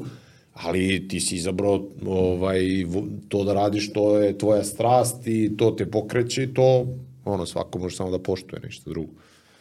Ali razumem, kažem, taj odnos imao sam i ja, ono, par takvih situacija gde ono, nisu podržavali neke stvari koje Da, sam pre- radio, Da, sam. koje sam radio, ali ja se nikad nisam ljutio na njih, nikad nije ono bio inat, nego jebi ga. Ok, Upravo ja to. poštujem i kažem, vi ste mi sve, ono, sve omogućili u životu i ako Uh, sad nemam vašu podršku, nikakav problem, ali ja nisam ljut na vas. Mi, ono, Nema da porodica bu- smo i dalje, tako je, tako sve je. funkcioniše normalno, ja ću da guram sam kako mogu, opet, pa se to ono, uvideli su stvari da to nije, da to nije tako i da neke stvari, ono, treba vreme i, i, Ma, jasno. i da to na kraju ispadne dobro. Ja, mojima je sad samo u fazonu kad će... Dobro, sad porodica, da, jasno, je, ali dobro. Nije ti, nije, nisi zakasnio, ne kasniš još. Ne tu. kastim, ne.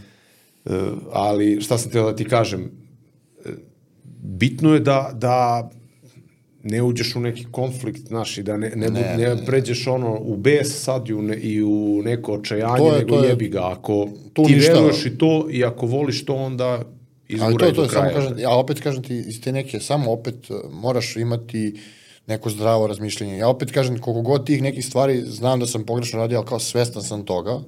Znači, mislim, kroz pripreme, kroz ovak, kroz život generalno, jesam, brat, x puta napravio grešku, ali sam kao, jedino kao, uvijek se tešim time, ajde svestan si toga, moći sledeći put da ispraviš, moći sledeći put da ispraviš. Bar to. Jasno. Tako da, znači, sad je odnos, brate, kako treba, nemaš. Idealno, nema šta. To ti ne pravi prepreku u daljem o... Ne, ne, ne, ne, ne što se tiče, što se tiče roditelja, ne, nego samo Sad sam sebi, brate, pravi. Sam sebi, sam sebi, sad, jer kao, to je ono što, znaš, sad, tako neke stvari koje mi je majka ranije rekla, sad sam u fazonu, mama, u pravu si, znaš. A nek, pre pet godina mi rekao, ja, ja znam, šta će ona meni da priča, ja znam. Ali kažem, sad za neke stvari sam u fazonu, dobro, u pravu je što mi je rekla, ovo treba sam da poslušam ovo. Na, za neke stvari, daleko od toga, da mi majka rekla, je, završi, džabe, završavam da budem inženjer, neću, da razumeš, ne vidim Jasno, sebe u odelu i ne mogu. To da- je ono, završavaš njima da, da o, ispuniš neki Tako hir. je, ta, jeste tako, znaš, I- lepo imati e, diplomu, slažem se, ali kao, i, m, s jedne strane i treba, ali s druge strane, da- jer da radim nešto što, gde ne, ne bi bio srećan, da, da me ništa ne zanima, ne mogu, stvarno ne mogu. Jasno. A, jel sad razmišljaš posle par godina, mislim par godina već, evo kako, sad ćeš malo 10 godina od tog prvog takmičenja Da. sledeće godine. Ovaj, kako da traješ duže u tom sportu ako hoćeš da se baviš dugoročno time i kako da ovaj malo budeš strpljiviji sa, sa napretkom i sa progresom. Mislim da si to u zadnjih par godina uvideo i da ne srljaš ono Pa, uh, mislim da, mislim da šta je najcrnije, mislim da je baš ovih proteklih mesec dana će biti prekretnica svega ovoga. Uh, iz prostog razloga što, znaš kako, ja ću da se ovim bavim. I to sam rekao sebi u smislu masa ljudi koji znam da su nešto takmičili, to svi su batali i sad jednom su otišli u drugu krajnost. Kao, Da, to, to je je, to je sranje, to nemoj to nikada da radiš, kao, i sad, znaš, ono, ok, tvoja stvar. Ja hoću ovim da se bavim i hoću da istrajem ovome, ali sam skontao da, rekao sam ti, to nosi određeni teret, nosi određene žrtve itd. itd. Ali poenta jeste da, da sam skontao i šta treba i kako treba, opet, daću nekim stvarima u odnosu na ovo prioritete. Isto tako sam rekao, to nisam još pričao sa Donijem, postoje, brate, substance koje mi jako smetaju za moj... E, ne mogu kažem mozak, kao i generalno loše utiču na mene, znači jednostavno to ti je, ti misliš da je sve okej, a nije okej, sam, ti to ne vidiš, jednostavno ne vidiš, pogotovo pripreme, valjda te puca i ego i sad uh, svašta nešto tu i onda ti to samo, brate... pričaš ono završnu fazu Da, da, da, i to ti samo naš, određene- i onda tako, znaš, kao nešto, i sad kad vratim film, šta sam nekome, s nekim pričao, šta sam uradio, budem u fazonu, brate, to tako Mislimo da svi znamo koje su supstance u pitanju. Pa da. da. Ima veze sa treningom. da. ovaj, I onda je jako, jako velik, ve- jako velik problem uh, za to i onda sam rekao, ok, ajde da vidimo ovako. Sledeće pripreme kad budu, ove godine neće biti sigurno, hoću sebi da dam malo oduška, jer hoću Znači nećeš izgleda, rešio si da ne izlaziš Ove godine, ne, ove godine sigurno ne izlazim. Uh, ove godine mi je prioritet da pojedem što više lubenice. Šalim se, svake, Znači da odmoriš ovo Da, sva, svake pripreme, pošto to inače ja obožavam lubenicu, to mi je omiljena stvar. Svake pripreme. Ja ne, znači dođe sezona lubenica, ali prave one naše, kad dođe iz Rume i ovo, Da, ja tamo ne mogu da jedem. jul, avgust. Tako je. Ja ne mogu da jedem, uvijek na dijeti, kao, brate, kao moj je donesen, donesen, ja, ili idem, znaš, ja budem kod mojih, ide onaj sa kolima i viče, evo lubenica, brate, nikad lepših lubenica, ti gledaš samo, ono i to je to. Rekao, ne, ove godine jedem lubenicu. Elem, to sam rekao, a sledeći pripreme koje budem radio, dogovorit ću se da onim, to ću, ili ako može, ako ne može, bez toga neću ni raditi, hoću da izbacim to, hoću da vidim tad moju svest kako ću, kako ću ja da se ponašam, ako to mogu da hendlam i da ne povređujem ljudi oko sebe, top. A ako ne mogu, onda nisam za ovo. Ništa. Što se tiče te substance, pričamo o trembolonu. Tako je. Pričao sam baš s Markom pre par dana, ono, dotakli smo se te teme i, znaš, same te substance, vidi, ja nikad nisam koristio, niti imam ikakvog iskustva ne sa tim, nego sa, sa bilo kojom substancom, znači, ono, od običnog testosterona, depo do, ali, znaš, slušaš ljude, slušaš iskustva, ko je uzimao, kako se osjećao, mislim da to samo, uh, on, ja što sam stekao utisak o, o trembolonu, da samo e, ispolji ono tvoje unutrašnje osjećanje ono da ga, da ga maksimizira još Puta, više. puta, ako si besan, deset, bit ćeš besni 10 puta. Tako ako je. si... Pa, pazi, ka, Znaš, i onda samo u stvari ko može da, da, da smiri sebe i da, znaš, neko, neko, neko nema nikakav problem, zato što samo to njegovo okruženje je okej, nema neke Pa vidi, ako se izazove. izoluješ, ok, ali nije poenta da se izoluješ. Jasno, jasno. Ono što sam, mislim, mene, mene, znaš kako, ne radi, ne radi. Uh, nisam, ag- nisam agresivan fizički ili nešto, nikad to ne bi, ali recimo Verbalno. verbalno, jesam. da, da. Znaš, i umem da kažem mnogo, mnogo ružnih stvari, uh, a nikad ne mislim, A nego... to ne možeš da istrpiš nego ono i ti mene ne, nešto ja sad, kad, znaš, i onda ja kažem ti, ali pazi, što najgore, uh, to ne traje samo za vreme uzimanja, to ostane u organizmu još neko vreme. Logično, da. I onda kao, znaš, ono, sad kažem ti, ko da me nekom mokrom krpom bre udario po glavi i rekao, alo, i kao se, vratim film i budem u fazonu, šta si to radio, Bog te? Znaš, nije sad to kao, mislim, strašno je. Strašno je, pogotovo, ne znam, za, ne, za neke stvari je strašno. Kad bi rekao to majice, ona bi rekao, brate, ti mi nisi više sin, bre. Sram te bilo. kako je to poštovanje prema drugim ljudima, osobama? Jasno.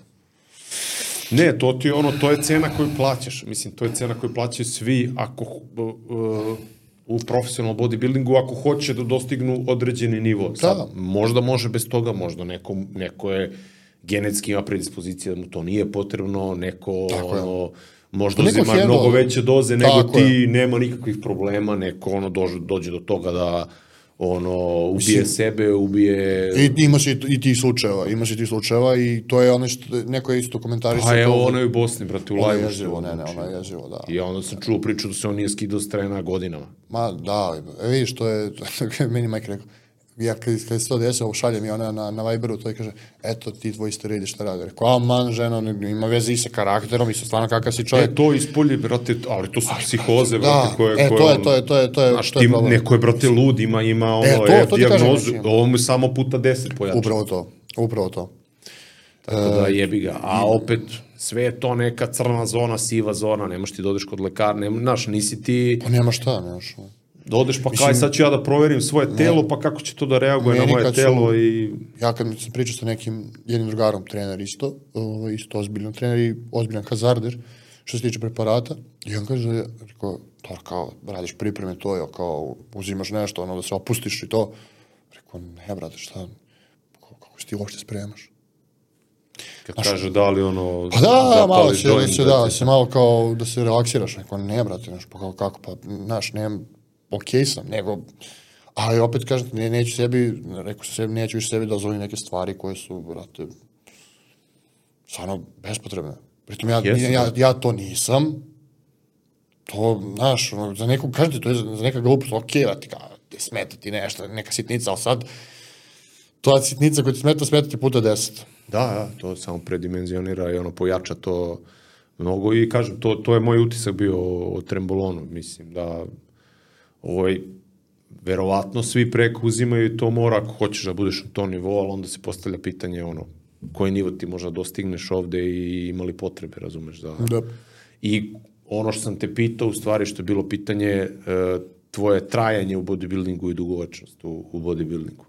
I evo sad vidimo da, ne znam, Chris Bumstead već razmišlja o ono, penzionisanju, Ian, ovaj, kako Yes, se zove, penzionisao, penzionisao, već se okreće nekim drugim stvarima, ovaj, Pa pazi, uh, za Iana, kažem, baš, baš sam mislio da je to jako pametno, u smislu, ok, imaš ti, uh, dostigo si svoj maksimum tu gde jesi, znači sad to može ne kaže, eto, jeste, on jeste stvarno, znači on ne može u top 5 i to je to. Vidi, biti u top 10 na Olimpiji, svaka čast svakom. što imamo je par puta Da se, tako bio. Tako je, da se kvalifikuješ, ja bi, to je, to je meni, me- znači najveća, što se toga tiče, najveća želja bi, kad bi recimo, najveći uspeh moj bi bio da, da kaže neko, je, kvalifikovao se za Olimpiju. Ne da budem top 10, samo da se kvalifikuje, ja bih rekao, to je to. Ja sam svoje ispunio, otišao sam u Vegas, stao sam na tu binu, stao sam s ti neki, vidio sam te neke ljude, Da su to već nijanse, brate. da, to je, da, ali ovaj, ali ono, fazano, kažete, to je, a vidiš, mislim, pazi, Sibam je, ja mislim, dostigao neki pik, uh,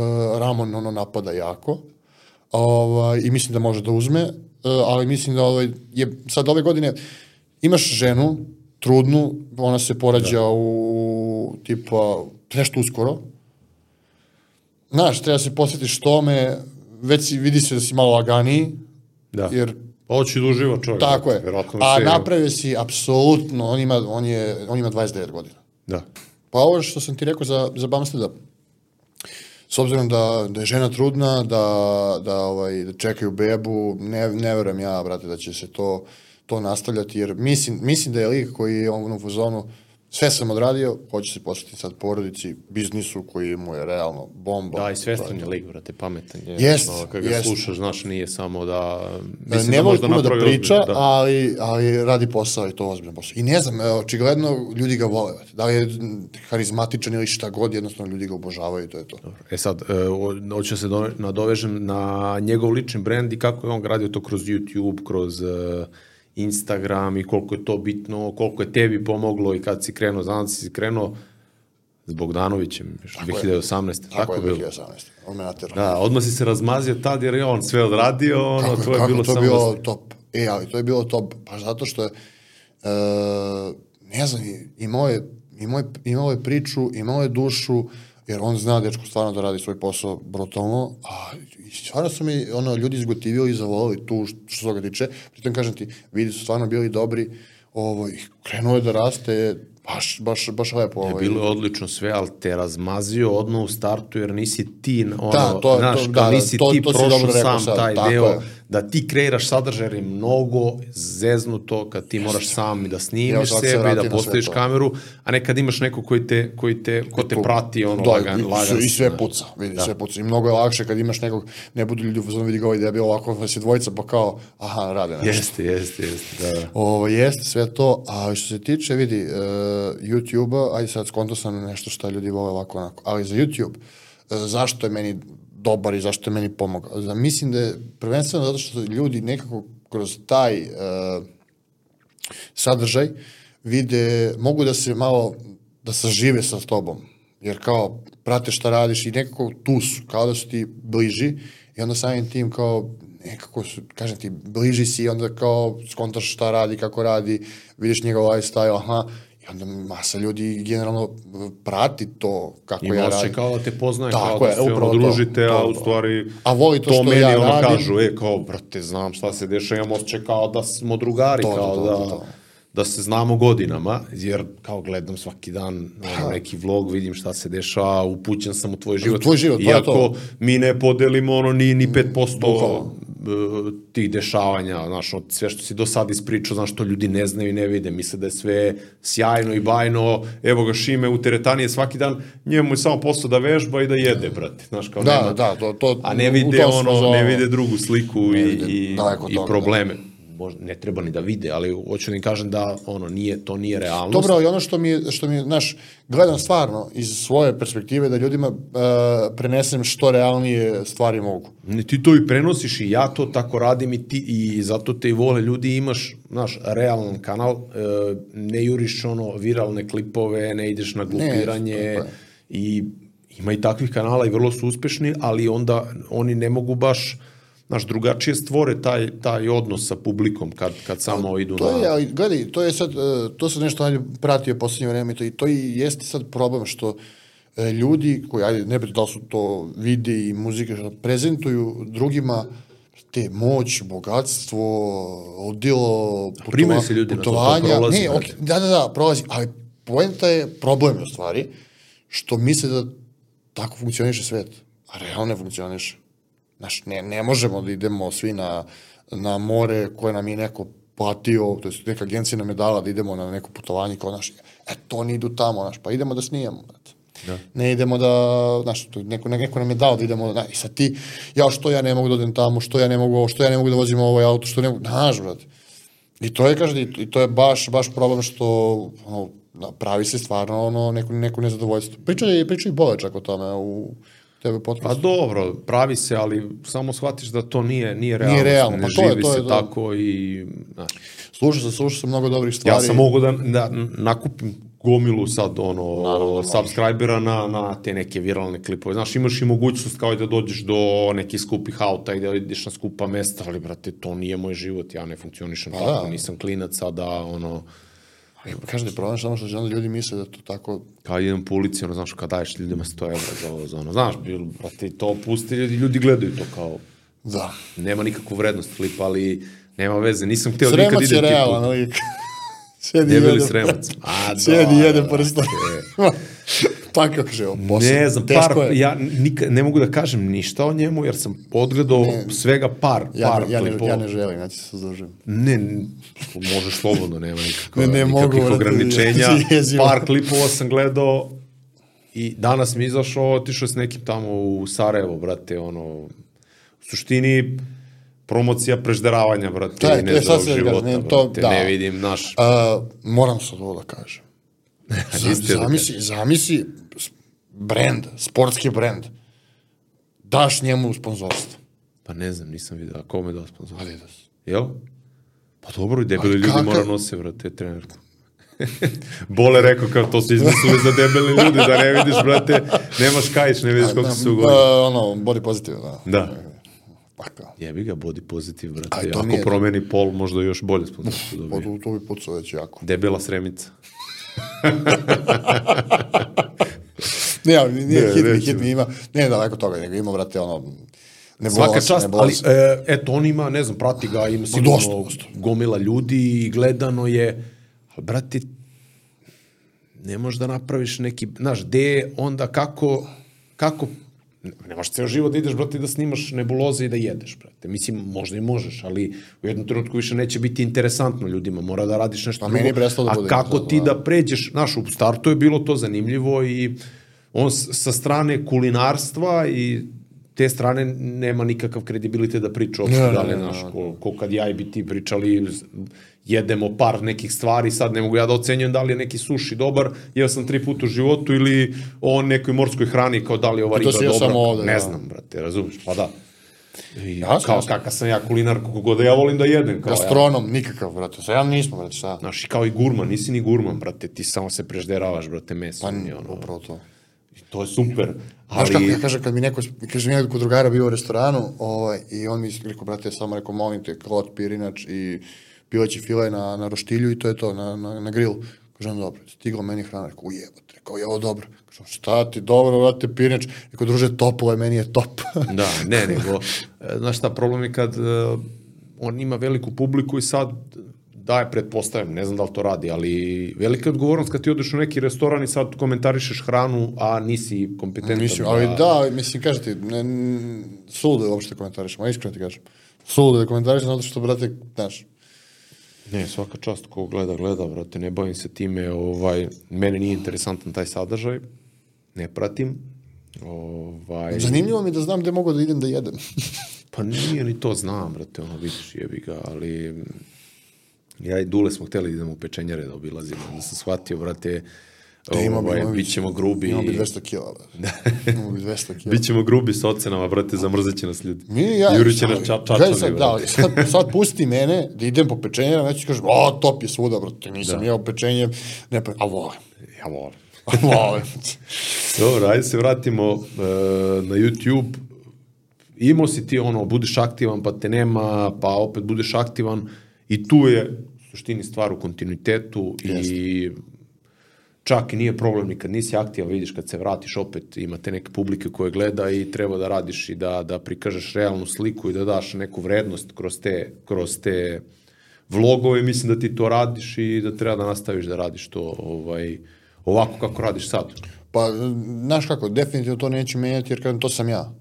Isto, sad dešavalo se tebi, dešava se svima ko, ko se bavi sa, kad bi stalno ljudi kao u e, brate, ja radim uh, vide, ja mogu da ti napravim ovaj Reels, uh, ne, ja okačim Reels uh, kakav ja želim da okačim, jer to sam ja. Ne trebaju mi nikakvi... trend ili šta će bude upravo viral, to. brate. Znaš, ne trebaju mi nikakvi emoji da mi iskaču, da mi ovo, da ani- animacije, ne, brate, hoću ti pričam, ko je ono voljan da sluša, da vidi, to... Na kraju se sve svede, moraš ti da sedneš da smisli sadržaj, da ga Tako snimiš, je, brate, tako i je, ono kao... tako je. Taj edit je na kraju mali deo posla. I video si ti da nije sve ni do edita, ono, ne treba nikakva, Nije, nije, pa- niš, nikakvo ludilo, znači treba, Pa, ono evo, recimo, Sam Sulek je to pokazao. ne, on je, meni je to ne- neverovatno. I Ali sad je to trend u stvari. Da, ali je fora što on uh, sve vreme priča. I ja mislim, ja, ja mislim da većina ljudi radi ono što ja radim, ja ga pustim, da slušam ga šta priča, ja Spremim klopu, brate. Završavam, slušalice i da li ga slušam, da li ga ne slušam, Nije, ali ali tu je priča, ono što, znaš, ja radim svoje, on radi svoje i to je to. I, znaš, ima ono, brate, view duration, ono je kontom, brate, od sat vremena ima 45 minuta, sigurno. Da, ludnica, a pritom što on, i opet to je jako teško, da on A svaki kontinuitetu pri, da, ali u kontinuitetu priča, Priča, da. Ti treba pričaš nešto Treba sad da- vremena.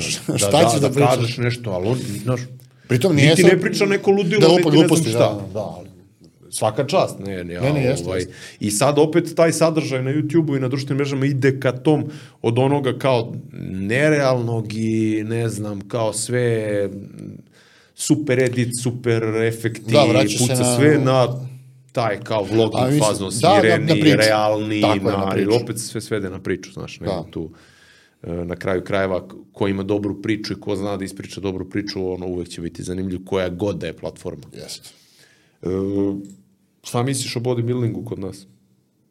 Uf. Teško pitanje. Nije. Nema prozivaš ljude, ali Ne, e, ne, ne, pošto ne. ne izlaziš na takmičenja kod nas, ja sam to shvatio kao bio si tu, prerasto si, video si gde si, ideš da se takmičiš sa ozbiljnim e, Tako je, ajde I tu te poštujem, jer nikad nisi išao, e, ja izlazim samo i sad ću da tu, prvi sam u Srbiji, prvi na Balkanu, imam gomilu tih pehara, medalja, nikad se nisam izmerio sa, sa ozbiljnim zverkama i sa... To je, to je ono što sam ti rekao kad sam otišao u Prag 2017. kao junior, ti su bre juniori bre bili jezivi.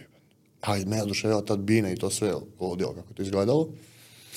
Uh, mislim, u Prag sam otišao posle neko kaže što sam osvojio sve ovde, znači sve u juniorima sam osvojio sve te, sva ta takmičenja prva mesta, bio na Balkanskom drugi, rekao ok, ajmo imamo još jednu juniorsku godinu, ajmo da, da vidimo kakav je taj Prag. Ludilo. Oduševio to mene, rekao ok, sad sledeći priprema kad budem idem preko, ništa se dešava. Dešava se. Dešava se i onda skontaš da u stvari Koliko si ti, koliko sitno ovo to Koliko, naše, koliko, da. da. jeste, mislim, bez da se iko vređe ili šta, ali to stvarno je tako, znači to su i namjerno kao, možeš ti da izabereš takmičenja i pro qualifier koje, na koje idem, gde su manje posećena, ali kao, hoću baš da idem tamo gde, gde je popularno. Ne zato što kao, eto, to je, nego hoću da vidim ljudi koji će doći tu. Prošla godina u Budimpešti, u mojoj, pazi, A, B, C i D imaš Bilo divizije. 20, 20 takmičara, koliko? 17 u mojoj, u C je bilo e, 20, u B je bilo 20 i nešto, u, znači, mislim, po visinama je nebitno.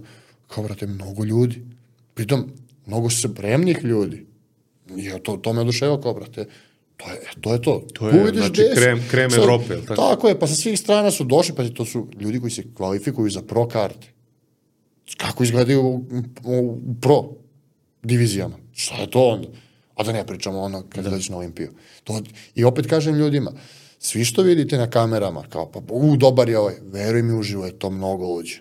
Da, da. Mnogo veće, mnogo luđe. To Jeste, smo jeste. pričali objektivi, vamo tamo, pa to je kad vidiš uživo, to je da se da naježiš. Znaš, kad stojiš pored čoveka i kad on stegne tu Čovjek butinu pored tebe, 175 ima 150 kila, 160. Na primjer, to sam vidio u Pragu tad, kad sam bio, to su, tad je bio, imali su sutradan pro stage, bio je ono, Rolly uh, Winkler, bio je, Da. bio je ovaj Dexter Jackson, mislim, to je, Pritom Dexter ne važi za nekog frika, da, ono, i ono, kao ono, važi za... Vidi, Rolly prolazi pored, nosi duks, uh, onaj široki begi, a to nije ništa široko, to puca na njemu, brate. to je kao mali, ono, brate, ali ide, ide, ide stena jedna mala, i jega se tamo, i sad zamisli to kad se skine. Isto kažem ti, ovo, ti, uh, kad gledaš video i to sve, ali ti da vidiš te detalje uživo, to je, to je jezivo. E onda kad kontraš s kim se takmičiš i kako se takmičiš, e, to je drugačije. Jer najlakše je sedeti za kompom i kao, a, brate, Lako njemu on cepa, ima a, da, ton to hemije je, budu i- pozvano, eto, brate, ne može ni tamo da uđe u top 5, a on hoće da ide, na, stani, probaj, vidi, gde ćeš da budeš. Gleda, gleda se mnogo više stvari. Ovde kod nas, brate, gleda ko je čiji. Primera radi. Dobro, nemaš ni neku, nemaš ni Nemaš, neku, nemaš ni konkurenciju. je par ljudi nemaš ni koji konkurenciju, to je konstantno, tako da. je, tako je. I to je naš, to je taj neki krug zatvoren, vrti se i kao, ono, Pritom ja ne, ne, znaš, opravdavam te ljude, razumem, niko nema ni motiva tu da, da gura dalje, jer, brate, čemu, Pa nemaš ništa, znaš, da. oni ako Em na- narušava zdravlje, em si to materijalno se... košta, ništa i šta na kraju dobiješ. Ništa, kandu proteina. Na primjer, mislim, ja sad da. ima, ima neke, neka kinda, stvarno, i svaka čast, vidi sad, ono... Ne, podiglo se to zadnjih par Jeste, godina, ali opet jeste. je to ništa u odnosu na... u odnosu na nek, da. Jer ti da bi privukao te strane, ono, bar s Balkana, ljude sa strane mora da povećaš ovaj, nagrade i sve i napravi se to, ali opet kad uporediš sa, sa Budimpeštom, sa Pragom je... E, ono, Brate, meni kaže, to, to je amaterski sam, nivo. gde sam bio. Ove godine se nadam da ću ići u Prag da gledam, da sednem tamo u publiku i da uživam konačno, da ne budem u backstage-u. si glada, glada. Tako je. iz bezumlja. Bukvalno izbezno i jedva čekam da, ono kao da se, da se završi, na, nervozan vamo tamo. E, ne, to je problem što ne možeš da doživiš uopšte to. Ne možeš, ne možeš ni- Znaš, da, da, da Ne pogledaš... može, vidi, da ti kažem, i ovaj koji je išao sa, Sa mnom strane. prošle godine, Miloš moj, i Jovana i, i koji je išao Zrnić, I ti na trenu. Jana, razumeš, i, i oni ne mogu da uživaju, brate. Da. Ni oni ne mogu da uživaju, brate. Zato što ovo je pod tenzijom, vidi šta nam radi, a ja, znaš, sve nešto, ok, Šomi je već naviku, Šomi je u fazonu, Da. brate. Dobro, Šomi je lagan lik, on je da, takav vidi, lik. ali on samo pre, prevrne očima i kaže, dobro, znaš, ono, aj, znam da si debil, to je Da. da. A ovaj, vidi, svake pripreme, kad god se završilo, kogod je tu bio za mene i to, ono, sa mnom, ja sam rekao, izvijeni. Zrnić koji, ono, drugar koji me vozio, kaže, brate, šta mi izvinjaš? Rekao, ja znam kakav sam. Rekao, kažem ti, ja... Ne znam, budem gladan, brate, To- par sati znači, pa popizdim na neku nebulozu. Zamisli ono, Sve, sve mi spremaš se sve mi smeta. Tako, fazonu, brate, što dišeš tako glasno? Da. Takav, takav, ne. Ne. I onda, znaš, kao ideš negde, kao treba da uživaš, te da uživaš, brate, vidiš, ovaj lik nas drži pod tenzijom, kao da smo u, u, u ratu, je. Sve razumem. Kako ide kako idu personalni treninzi? Jesi ovaj, to podigao sad na viši nivo? Kako gledaš na, na taj Podigao sam, posao? podigao sam cenu. Podigao si. Ali lepo. Ali, brate, usluga bolja, više znanja, više iskustva. A, jeste, im, što se toga tiče, to, to nikad ne manjkam, uvek gledam da, da ovaj, naučim još, da i probam, probam svašta sa ljudima, jer kažem ti, ja, ja verujem da ljudi misle da u fazonu kao, šta piše ovaj, ili šta nam priča, ali u stvari probam, vidim šta kome odgovara, jer nismo svi isti, razumeš, evo sad recimo lupam, tebi treba pišem trening, aha, brate, radi to, to, to i to, naporno mu je ovo, mnogo mu je ovo, drugačije ću mu dati da radi, gledaš da to što daš nekom da stvarno uradi, da ne bude, eto, ja sam tebi napisao trening, ti rekao, uje, ludilo, top, sve super, a brate, nemaš da ispoštuješ to, a tebi to izgleda na papiru top. Isto tako, stvarno, znači, personal sam generalno smanjio, zato što hoću da se posvetim sebi, hoću se posvetiti nekim drugim stvarima uh, i hoću se posvetiti i online klijentima.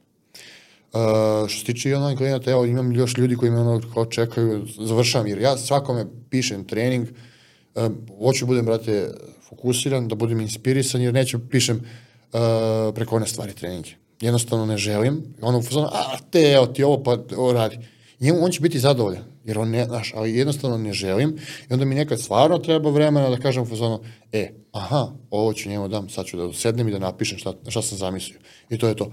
I jeste malo tu da, da ovaj, tako nekad kasnim s tim stvarima, a i sam uvijek u fazonu stvarno, brate, temeljno odradim to što pišem nekom, nikad ne radim copy-paste, jer kao u fazonu svi smo drugačiji, jer ja ne pitam te džabe kad treniraš, kad radiš, kad ideš u školu, kad jednostavno hoću da ti sve bude prilagođeno. Koliko može, daleko od toga da će sve biti idealno.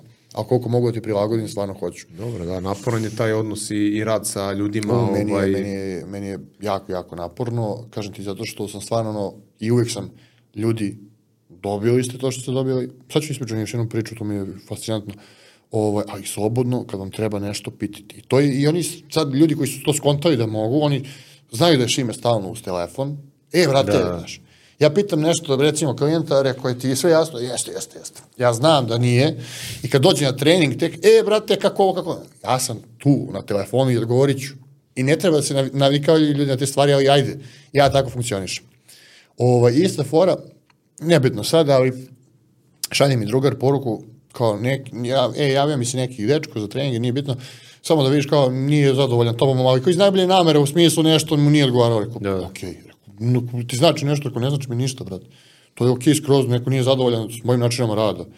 Evo, i onda bi slučajno posle sat vremena posle toga stigla poruka, brate, ja nisam mogu boljeg trenera da doberem za mene, vama tamo. Znači, sve individualno. Normalno, pa ne možeš ti samo ne, energija, ti kao pričao se bole kad je bio tu, ono. Uh -huh. Kaže, moj, ono, meni vide ljudi, znaš, javim se ljudi koji već skapiraju moju energiju i kome odgovara Tako moj, moj sistem i moj način i komunikacije i, i odnosa sa njima. Ne možeš ti da, da, da se Mislim, jako je teško da ti se prilagodiš svakom ponosobi, sada ti menjaš ne svoj karakter i, i sistem rada, da bi se dopao svakom i ne treba to ni da radiš. Znači, ti ovaj, radiš ja, po tvom metodu i, i skupljaš je. Uh, ljude i, i personalce i online uh, vežbače koji kapiraju tvoju filozofiju Pazi, i tvoj način, način ovaj, ja gledam se perspektive za, za te stvari, ja, ja znam, ja tebi trebam. Uh, ja sam ti rekao, javi mi se kako ti treba nešto, pošalji mi update, znači da ćeš ti to uraditi ili nećeš, to, to zavisi od tebe. Ja stvarno ne mogu te vučem za rukav, ja sam to rekao i ljudima na, na personi. Ti si došao na trening, znači ti treba da treniraš. Ja ne mogu da treniram za tebe, ja ne mogu da jedem za tebe. Ja ću ti dam šta treba da uradiš. I da pratim progres, brate. Tako ako je. mi ne daš... I onda ako mi kažeš, e, ja sam ispoštovao 100% i nemamo rezultate, onda je do mene. Ajde da vidimo da menjamo nešto. A ako ti kažeš, e, ja sam ovo odradio, ja te pitam, dobro, si sve odradio?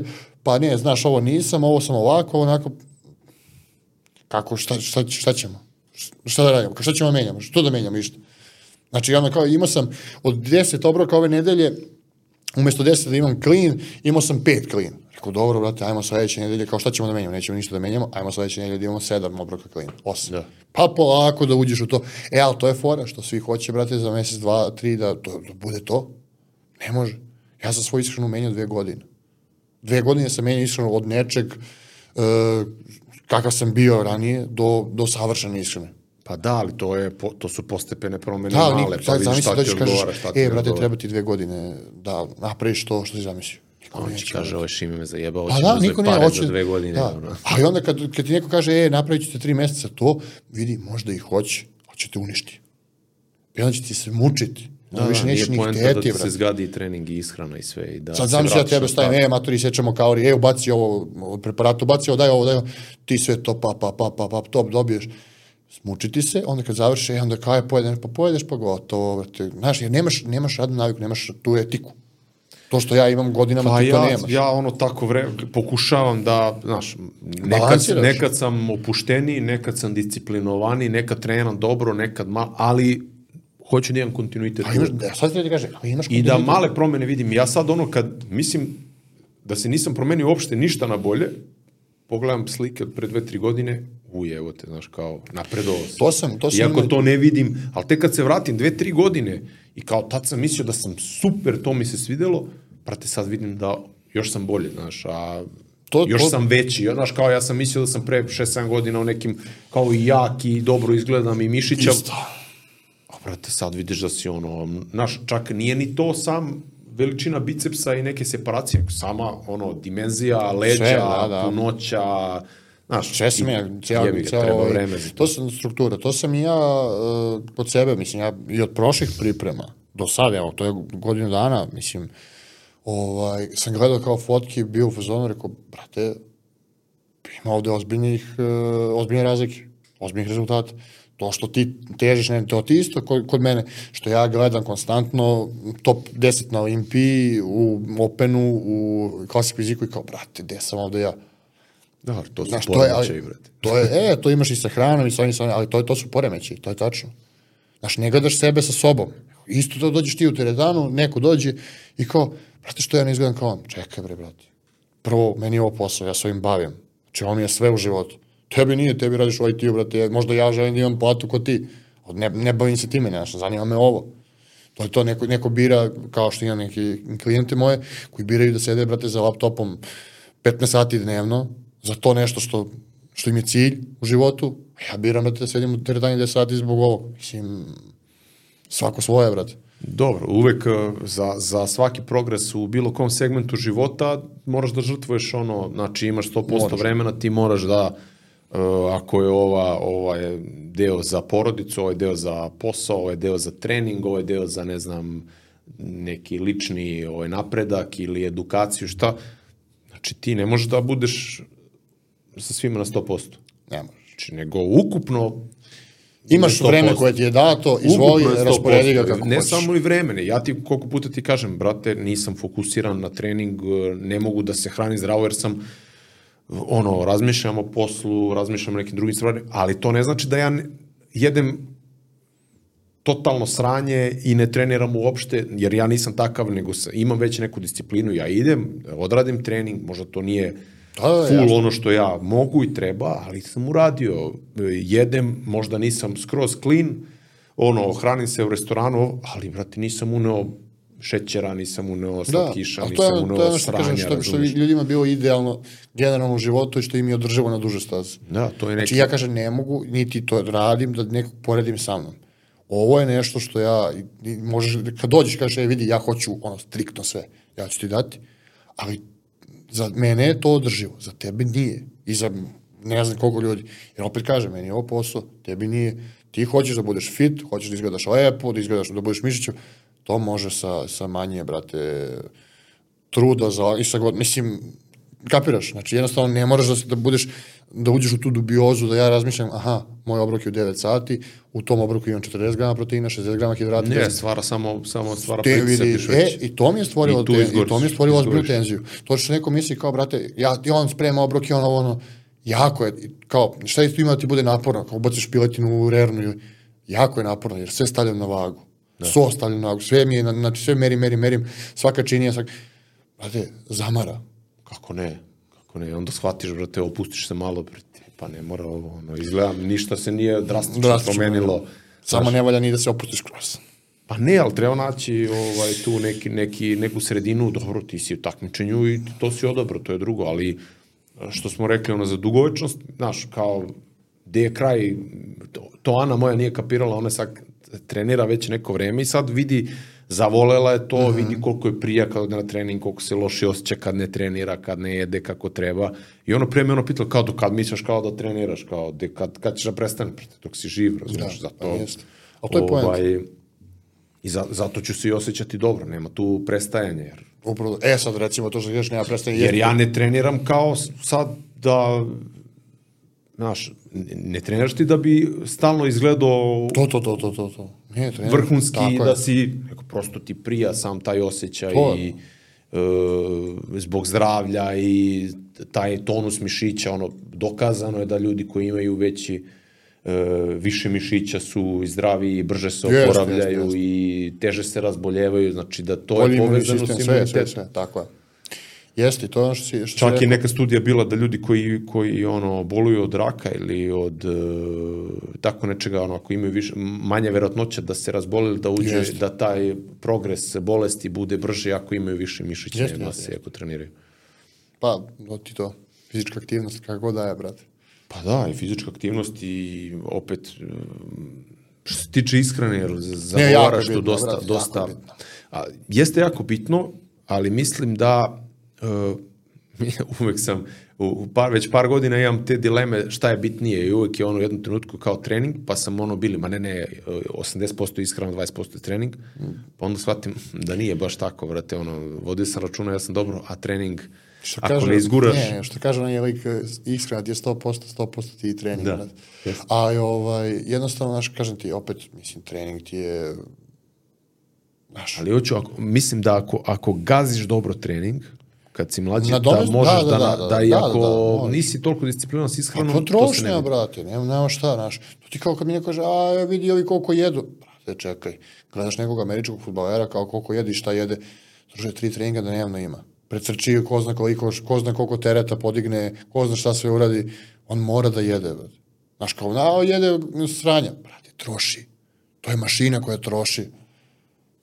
To ti je to. Da, ali... Znaš, ako sediš kući ceo dan i ne radiš ništa i kao, znaš, moram, ne, ne moraš da jedeš, brate, gomilom hrane. Ne Ja treba znam, ti. sam igrao košarku i to sve, brate. To ti kažem. Ne, ne možeš se ti znači, vater- jedeš, jedeš, brate, koliko moraju da jedu, svega.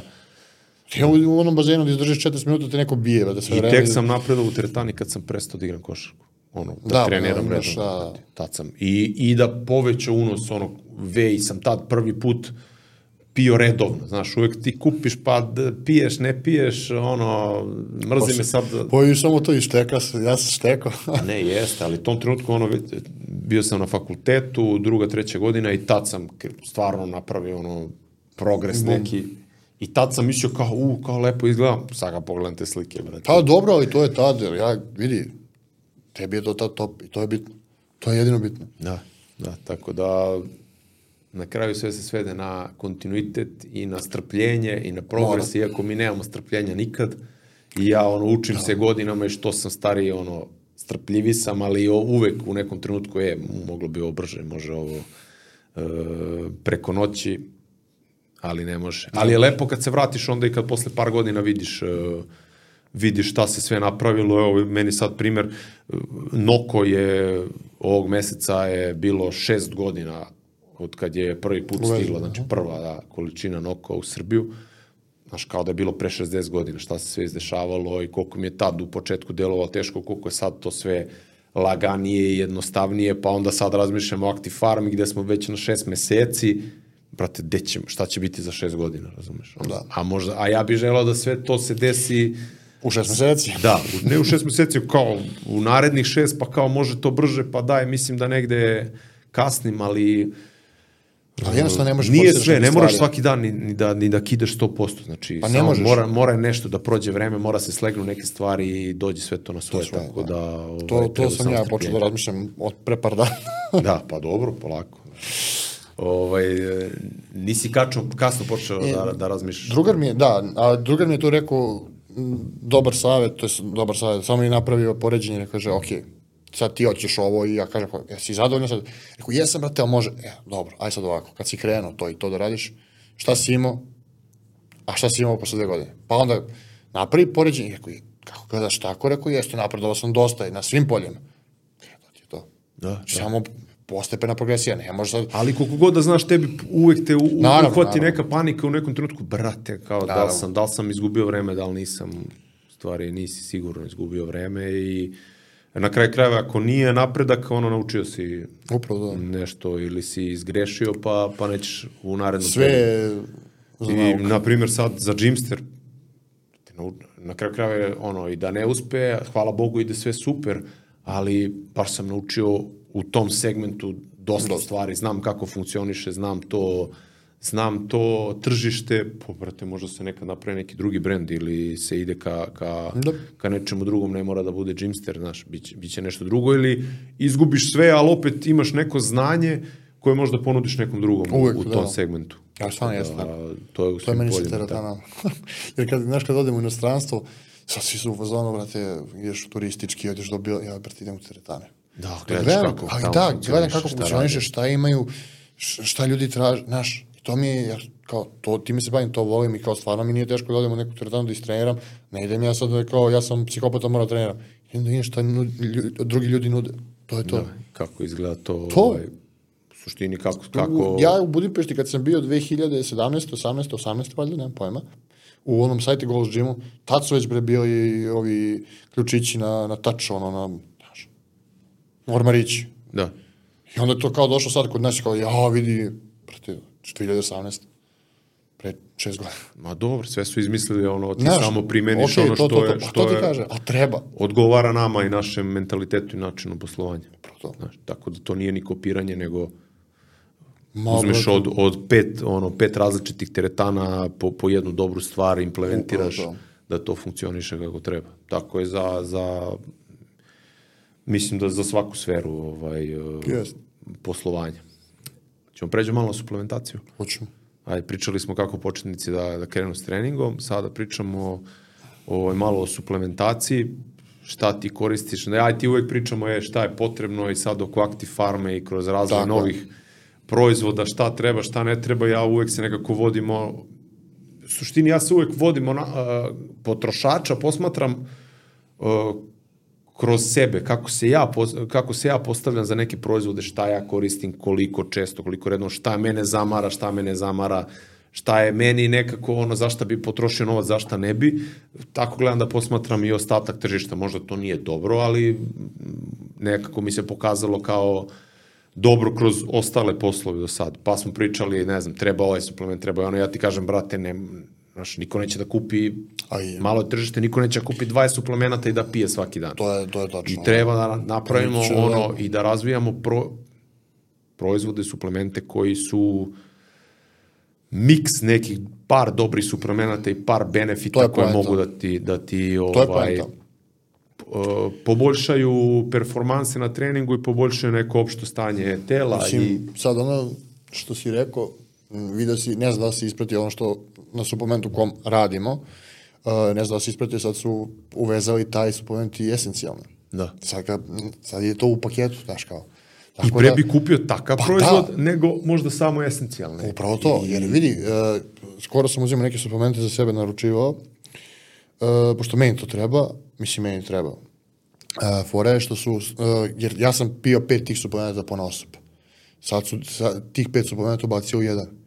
I opet kad staviš na papir i materijalno, i opet kad staviš, brate, jel ti bolje jedna tableta ili pet tableta? Da. Ne mogu svak zamisliti Znaš, svaki dan šaku. A nije, a nije, brate, pet, nego je 15 i ovde uzmeš tri. Da. Radije bi onda tri uzeo i ne razmišljam, pa više ono kad, kad krenem ujutru da stavljam, ne znam šta sam stavio, šta nisam da stavio usta. Da. Ovaj, tako da, da, to, to da, imaš jednostavno suplemente koji su osnova, osnove, to će uvijek da se koristi, to, to nema, nema šta. I ono, sad me, me pitaš za početnike, bukvalno sam uvek vej i kreatin. I kad god neko To pita, isto ja vej i kreatin, Vidi, nema šta. Esencijalno imamo pre-workout, ja volim da budem realan uvek i ono, nije samo cilj da mi prodamo to i sada pričamo da su mu esencijalne aminokiseline totalno neophodne, ako si Nisu početnik. totalno su dobre, Ti- imaju dosta benefita. I to je to. Ne, imaju dosta benefita, ali tebi kao početniku, kao klincu u srednjoj školi, ono koji hoće da nabaci mišiću masu, aj za početak ono, gledaj da, da pojačaš unos proteina, kreatin Hrana, će da. ti svakako ono, pomoći. Ne, ja kažem, na, ti uh, kad si klinac, uh, kad si krenuo prvi put u teretanu ili kogod, nebitno, imaš, brate, najjači suplement, brate. To je, brate, ta volja, brate. To, znači, samo kad to imaš, možeš šta hoćeš. Da, nisi istrošen. Nisi istrošen, ja, ovo ja sad, brate, moram, moram da, i možda si unosio 100 grama proteina, tad ono digneš na 130 pa vidiš, pa vidiš promene ovaj, i napredak. Tako da ne treba preterivati u samom startu, ali kasnije je stvar izbora u stvari šta Pa jest, hoćeš, sam- da, šta- šta želiš od svog Znaš, treninga i koliko, je, koliko je meni ljudi pitao, kao, jer stvarno ljudi koji nisu imali dodirnih tačaka sa pre-workoutom, a znaju da ih ja ono, redovno konzumiram, više njih, ovaj, i onda budu u fazonu kao, dobro, kao šta ti misliš tamo, rekao, čekaj, ajmo ovako, t, t, t, t, t, ja ti treba to, to, to, on kaže, brate, meni je tako i tako, ok, znači, fali ti energija, ono tamo, probaj. Znači, rade ljudi do kasno, hoće da istreniraju, onda rekao, ajde uzmi neki, brate, steam free, da nema, brate, kofeina. Uvijek dajem neke savjete ljudima šta mogu, kako mogu. Probaju, kaže, brate, meni je ovo top. E, ja rekao, super, aj sad se ne navikavaj na to, jer nije ni poenta ako ga stalno piješ.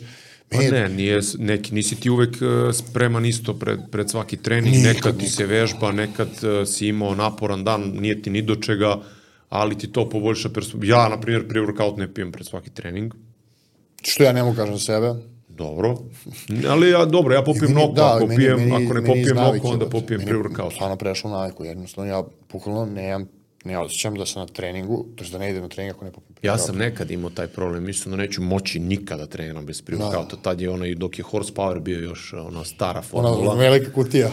stara Najjači, formula. najjači. Posle su ono smanjili nešto. Da, ništa, to pojma, ono, ono, ono, je, ono, brate, radilo, još ono to je dovoljno. prvi dodir bio i ono ta, otkriće, znaš, za nas. Ali To je to. sa Active Farmom sam hteo da, da napravimo proizvod koji neće da bude e, nešto ono preteran sa, sa količinom, koji će da odradi lepo svoj posao i, e, na primjer, sa Horsom i sa tim e, stvarima sam imao posle toga, na primjer, posle treninga tok, toko me spusti i ubije Dobro, me da... je, da, imaš, imaš tih downa, to je baš jezivo, imao sam i ja, nema Takav baš. pad energije, ono, volje. To je- Bukvalno, znači, znači, sednem i ono je bilo ovako, dva sata. Ali bukvalno vidi, znači nije mi ni do čega, e, to je to. A gledaj, ovo što smo pričali, recimo za Active Farm, ja sam ti rekao za Elevate, uh, za pre-workout. Uh, imaš masu pre-workouta koji su popularni zbog ok, marketing i to, ali uh, definitivno Elevate radi bolji posao, jer sam probao, znači poručivao sam pre-workout iz inostranstva koje nemaš ovde, koji su ono, gde su ljudi u fazonu, brate, ovo je ludilo na mrežama, na, onda ja poručim, stignem iz inostranstva, probam, probam Elevate, rekao, brate, ovo mi je bolje. Ne, dobro je što kažem, početnicima ne, ne pravi taj haos, ono, da, da ga razvali, da, znaš, ne. nego je prijatno odradi. Taman, jer Ameri su počeli da prave, brate, pre-workoute š- sa što više kofeina, brate, ono nije, nije normalno. Dobro, otišli su u krajnost. Da, ne ide, ide merica 600 mg, 800 mg. Mislim, ne, oni nemaju taj, mi imamo zakon, no, oni Da, da, nemaju, trpaj. A mislim, zakon i taj kod nas ti kažeš, e, on Pa dobro, uzima ali trećinu znaš kao- Americe i kao to mu je Da, jedna da, doza. ali znaš, sve okej, se to, okej, naravno, ali Sve je stvar kako ti Da, napišeš zamisli u ono- deklaraciji, a to niko ne čita, nego uzme celu onu mericu tresne. E, vidiš, to je, imao sam isto komentar jednog lika i to mi stvarno, brate, ovaj, uh, to mi nije jasno što to rade ljudi. Uh, im postoje ljudi koji su senzitivni, to jest manje više senzibilni ili kako god, na kofein. Znači, neko reaguje loše, neko reaguje dobro. Ja reagujem normalno u smislu, Nekog okej, uznemiri, brate. po, popiješ i, brate, to je to, ono, osjetiš reakciju kofeina. Ali imaš ljudi kojima, je, kojima ne prija kofein, da ih 100 mg kofeina vidi, znači srce, tahikardija, otko znam šta. Ja ne znam samo kako, kako dođe ljudima, padne ljudima na pamet, pogotovo klinicima, pošto sam imao slučaj u jednoj teretani, eh, da je dečko popio, znaš, ono, kao svi gledamo kao dve, tri merice, kao ludilo, vide, na videima, znaš, gluposti, i on je popio isto neki, neki pre-workout, ne znam koji je bio, tri merice. Vidi, brate, hitna odmah. Znaš, Ja samo... mešaju nije- kao, ajmo Monster, Pa ne, ajmo ali to, tri kao, merice, pa to ti ajmo. ga tri merice, znači to ti po- popis 600 mg kofeina, a ne znaš kako tvoje telo reaguje ni na 100 mg. Znači, Ja ja već, kafu. već ono kad u jednoj dozi ako je 250, 300 već osetim, uh, Ja sam- osetim uznemirenost. Imao ono, da sam, ne imao sam, uh, ja imam recimo neke ozbiljne mučnine, 600-800 mg kofeina u kratkom periodu, znači ne sad ono instant, ali u kratkom periodu, tipa popijemo sad noko i za sat vremena popijemo po Da, prvi kad idemo, idemo na trening, znaš, i sad to ti već nekih 600 mg sam ja uzeo, uh, kad krene ona mučnina neka, e, ali toliko me u, u propasti, ne, ne, mogu da, brate, da, ne mogu da treniram, ne mogu ništa, ne mogu se koncentrišem. E, to mi je ono, tačno znam da sam, aha, to mi je prebacio se s kofeinom, brate, ne to. Tako da mi sad ono što drži nekih, e, možda nekad, e, 200 mg u toku dana, ono, noko limenku popijem i pre treninga mi je ili 200 mg pre, 200 u toku treninga ili recimo 400 mg pre. Znači to je to. U, mislim u pre-workoutu, to je ono što držim. Znači, Dobro, ajde sad pitanje, ovaj, e, da moraš do kraja života piješ pet suplemenata, koji bi to suplementi bili? Znači, samo te suplemente možeš da. Da. piješ do kraja života, a ja bi možda izuzeo whey protein. ako izuzmemo whey, Izuzeo bi whey protein zato što je suludog stavljati ga rajde. dobro, okej, ajde. On jeste suplement, ali u stvari Bukvalno samo ono kao, sad je već Whey postalo vrti pojačan. is, ishrana, brate, to je to ono kao... jeste, pa da. Kao dobar dan, da. Znaš, to je nekad bio suplement, sad, brate, bez whey proteina, ako hoćeš da nabaciš mišiću masu, možeš, naravno, ne, ali to je, ali brate, ti olakšava unos proteina. Su ljudi da ga jedu ovako, znači, mislim, vidi, moja majka jede, brate. Ali ja sam sad prestao da ga pijem, ja ne pijem više. Da. Ne, samo, kroz hranu. Samo kroz hranu, da, da, ubacim ja, u obrok. znači, to, da, ja sam ga pri, pio, bilo mi nezamislivo da kao već stavim u hranu. A sad ga ne pijem uopšte, uvek je kroz hranu, jer ono, uh, da li uz ovsene, uz doručak, da li je posle treninga uz Cornflakes, griz. griz, ko- da.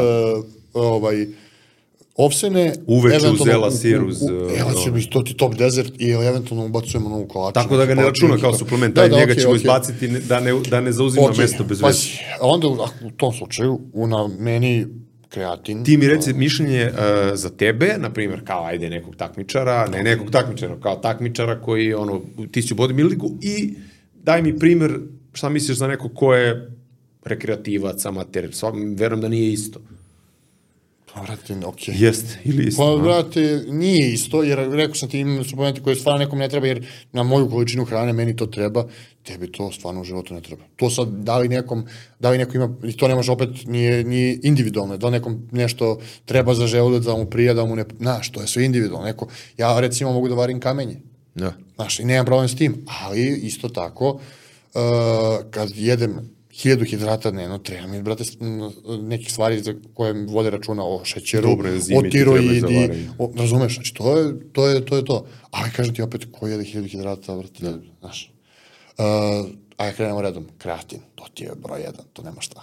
To, uh, na broj, broj dva za mene, kažem za mene, jer ja sam stvarno ljubitelj pre-workouta i to je to. Znači, to je meni uvek za te, za malo bolje performanse, za ovo, za ono, meni je pre-workout. Za i- pumpu, za taj osjećaj. To je, to je druga stvar. Iako, a, iako sad znamo da nema nikakvog efekta. ta Nema, pumpa, ali mi je lepo. Ali ti lepo osjećaj. Lepo mi na treningu, jeste. Da. Šta sad, znaš, kao kad mi je kaže, znaš kao, a nije pumpa bitna. Nije, a volim da vidim. Jeste, jeste. Lepši osjećaj. Nekako, ali mislim, Što se- što se meni pomaže, ali meni pomaže u konekciji ono mind muscle, nekako bolje Ovo, osjeti mišić kad je punoću, osjetiš Znaš, ono kad radiš neku vežbu, a ili si na dijeti, pa nema, prazan si, ne osjetiš mišić nekako, imam utisak kao da ga nisam ni odradio. Znam, da, najbolje znam kad sam prazan. Ok, uzmeš ti soli, kalijuma i magnezijuma, opet nije to to. Treba ti, treba ti hidra da to veže, ali onda kad uzmeš tako neki, neki suplement, mislim neki pre-workout koji ima sve to, te onako malo napumpa, top. Znači, to mi je na drugom mjestu, onda na trećem mjestu su mi definitivno esencijalno, to su mi baš, brate, to mi je baš otkriće, brate. Znači, ujutro, kažem ti, prvo što radim njih, ono, pošto popim litar vode i odmah, odmah popim njih sa njima, hidriram se bolje, odmah ulazi šta gdje treba i posle kao Dobro, obrok. to je Šarčev pričao zadnjih 10 godina, Eto, 15 nije- o okej. ali mislim da je sad već krenula priča. Jer da, e, imao sam, ono, gledao sam sad neke ono, studije za BCA, da je soludo, jer tebi treba, trebaju esencijalno, znači devet. BCA jesu jedne, tri od tih devet, ali tebi treba stvarno devet da bi to funkcionisalo sve kako treba. Da, i problem je što u stvari na tržištu i većina tih proizvođača i ove esencijalne kad napravi, ubaci možda 4, 5, Da, U nekoj jeste okej dozi, onda ovo ostalo je oko u 5 ono- grama, znači ako merice 10 grama, 5 grama imaš esencijalni, tako nešto, na primjer. Pa da, ali i od tih 5 grama, 3 grama su ti BCA. BCA, da, da, da. Ovo ostalo moraš, nešto moraš, a to je, to je ono što ja kažem ljudima, generalno uzmi, čitaj, uh, mislim, opet kad kažeš, brate, ovde možeš šta hoće, ok, da. Ali čitaj šta piše na, na, na poveđini, ono, je supplement effects, šta imaš, koliko imaš čega. To je isto za, za protein. Ljudi misle kad piše whey protein, to je to. Nije, brate. Samo piše whey protein i jeste, niko nije slago, to je whey protein.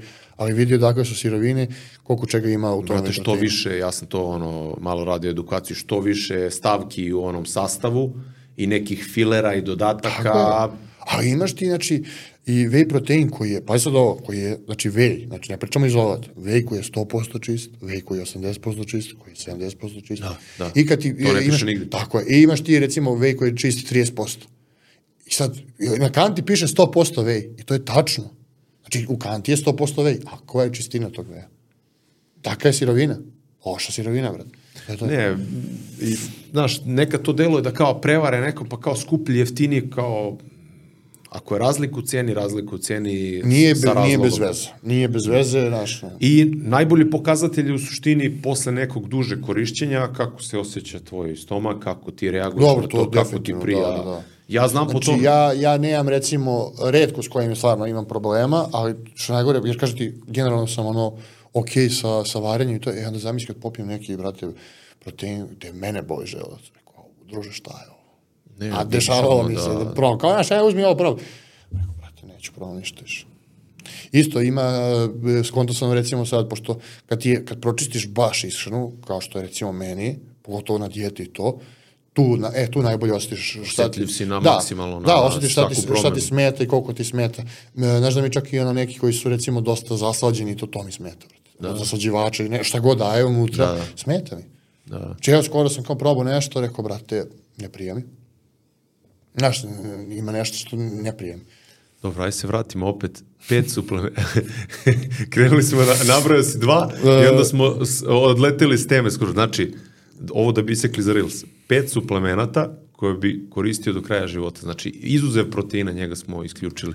Ok, kreatin, Dobro, pre-workout, dobro. esencijalne, glutamin na četvrtom mjestu, zbog želuca i zbog moje količine hrane. I šta stavim kao peti, brate?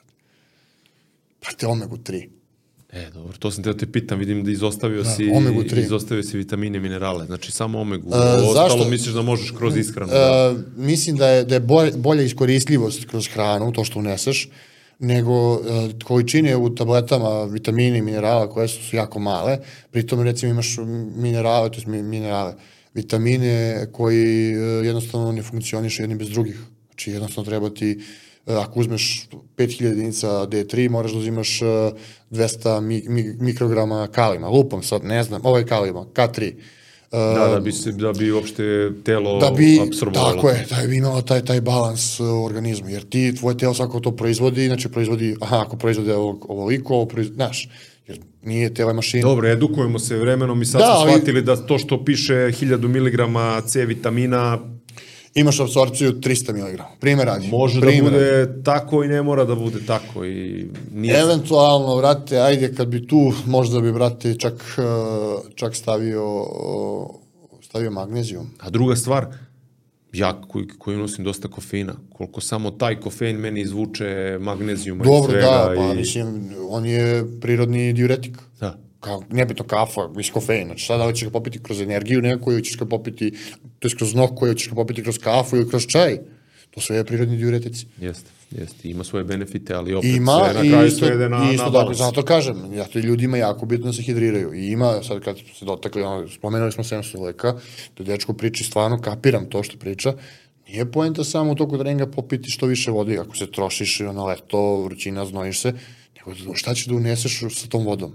To je ono, pijemo esencijalne, pijemo elektrolite, jer stvarno je bitno... Brža apsorpcija u tom Brža apsorpcija, znači brže se ovaj, ulazi gde treba, ovaj, u mišić, uh, ne gubiš, to je ti minerale koje gubiš, nadomestiš kroz tu tečnost, znači kroz taj sastav koji ubaciš u vodu, popiješ to, znači opet imaš, to je ono gde ti kažeš, nemam pumpu. Znači, evo ti sad da odemo, ono, leto je, kreneš, uradiš malo nešto na treningu, preznojiš se, brate, već si go, izbacio gomilu, to ti on kao hidrit, hidrit. E, sad samo kroz to hidriranje, magnezijum, kalijum, so, to, to su minerali koje, koje telo pomože da funkcioniše. Jasno. Ništa, ovde pravim pauzu. Hoću da vam kažem, e, na Active Farmi imate popust Active 15 na prvu kupovinu za 15% popusta, a posle toga možete koristiti i Šimetov kod uh, Šime. SH ime ili moj ti? kvarc 313 za 10% popusta. Uh, za sad u portfoliju imamo whey protein, kreatin, esencijalne aminokiseline, pre-workout, znači Tako tri je. od ovih pet koje si naveo i polako ćemo povećavati taj portfolio, tako da evo, A imate prvi put da koristimo ovaj podcast za, za neku kvalitetnu reklamu, imate dole sve u opisu, pa bacite pogled. Absolutno. E sad, e, naveo si mi pet e, suplemenata, hoću da mi kažeš deset vežbi koje bi E, deset vežbi. Deset vežbi koje mora da radiš do kraja života. Koje mora, koje, da koje, bi, da. E, a, da, a da održiš što veći okay. nivo mišića okay. i veličine. Za noge. Ne znam, kako god hoćeš, okay, okay. deset vežbi, ne, ne, ne. sve skupo, pa ti uklopi. Uh, čekaj, da, da se ne zabrojim. Uh, čuč. Dobro. Stiff leg. Stiff leg, znači objasni ljudima za zadnju ložu i za Zadnja loža, dupe, znači leđe, kao rumunsko mrtvo varijanta, da. tako je, to je to. Leg press. To mi ono ne volim. Do da, odnosi od noge udario jako. Da, da, to su to, znači to mi je za grudi, brate, nek, obavezno uh, kosi bučice. Dobro. Uh, neki chest press mašinu. Dobro. Jer, neće mi stati sve u deseti. Pa neće, ba ti razletio si se. Nema. Pa dobro. Uh, za, za leđa, vrate, neki lat pull down i neko ves. Znači, lat pull down mašina. Mrtvo. Ne bi mrtvo. Nećeš. Imam, imam čuče, ne, neću da radim mrtvo. O, ne bih i stavio bi neko veslanje u, u prethodnu, ali ono samo... Znači ništa ruke, ruke kroz ove vežbe samo. Uh, ne, to ti je 7-8 vežbi i ovaj, ovo ti je, mora neki, brate, biceps pregibi, neki triceps, brate, ekstenzija na saju, to mora, to je to. Eto. Da. To, ali recimo, eto, ne bi dobro, se... Dobro, triceps ekstenziju na sajli imaš milion variacija, pa, pa dobro, da. To kao uzeti kao jednu vežbu. Jednu, ne, ne, jednu vežbu sad, znači šta god hoćeš. I kažem, i to A je biceps ono... pregib isto sajla ili free weight, brate? Jaj, brate, jedno i drugo je dobro, ali tu biru bučice, volim, brate, bučice. Baš volim. Bučice, a? Da. Znači jednoručno, ne, da, ne, da, da, ne dvoručno. Jesi ne, više za, za tu varijantu da se radi jednoručno, jednoručno nego... Jednoručno jer možeš da se fokusiraš više na, na, na, na ovaj... Svaki mišić tako je, po, po, po osob, da. Isto tako što, znaš, ovo što smo sad spomenuli kao triceps sajla i to, uh, brate, postoji uh, mnogo dobrih variacija na toj sajli i stvarno da ćeš pogoditi triceps, mnogo dobro. I samo treba da nađe kome šta odgovara. Znači, Nekome odgovara taj i taj ugao, nekome odgovara ovako, nekome odgovara kanap, nekome odgovara šipka, nekome odgovara jednoručno, nekome odgovara izgleda, ali samo nađeš gde tebi najbolje Šta da kad radi. sam shvatio, uh, kad sam počeo malo ono, bolje da razmišljam i da osjećam mišiće, onda shvatiš da nije malo, nije ni do kilaže toliko, nije ni do, ono, možeš malo i da, da, da menjaš uglove, znaš, i, i drugačije Tako je, pogodiš tako je, ovaj, tako je, glavu, tako je. tricepsa, tako da mm, ovaj, ne treba treba biti samo fokusiran na, na samu Mhm, vežbu tako i skoncentrisan, ali to se uči vremenom i to je iskustvo. Tako da, e, tu, tu je ono gde sam ja uvek za e, personalnog trenera jedan na jedan, pogotovo možda ako si početnik, dok ne naučiš da vežbaš, jer ti to ne možeš da objasniš e, Ne možeš da online- objasniš, to je online tačno. vežbaču. I sad kad si sad, drago mi je, brate, što si ovo spomenuo, zato što Jer ja, ja, na primjer, moj uvek napredak je najbolji bio kad sam radio s nekim ko je, neko ko je tu, ko me izgura, ko, ko reći to. pojača i,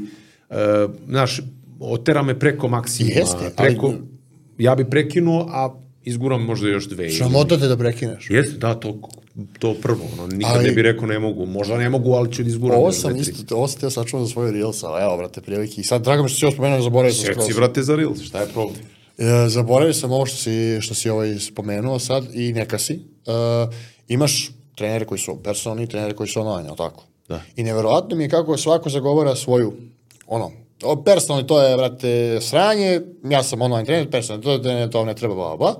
Onda dođe ovaj koji je personalni, brate, stava online, pišu programe tamo, vamo, tamo. E sad, iz moje perspektive i jedno i drugo ima svoje prednosti i mane.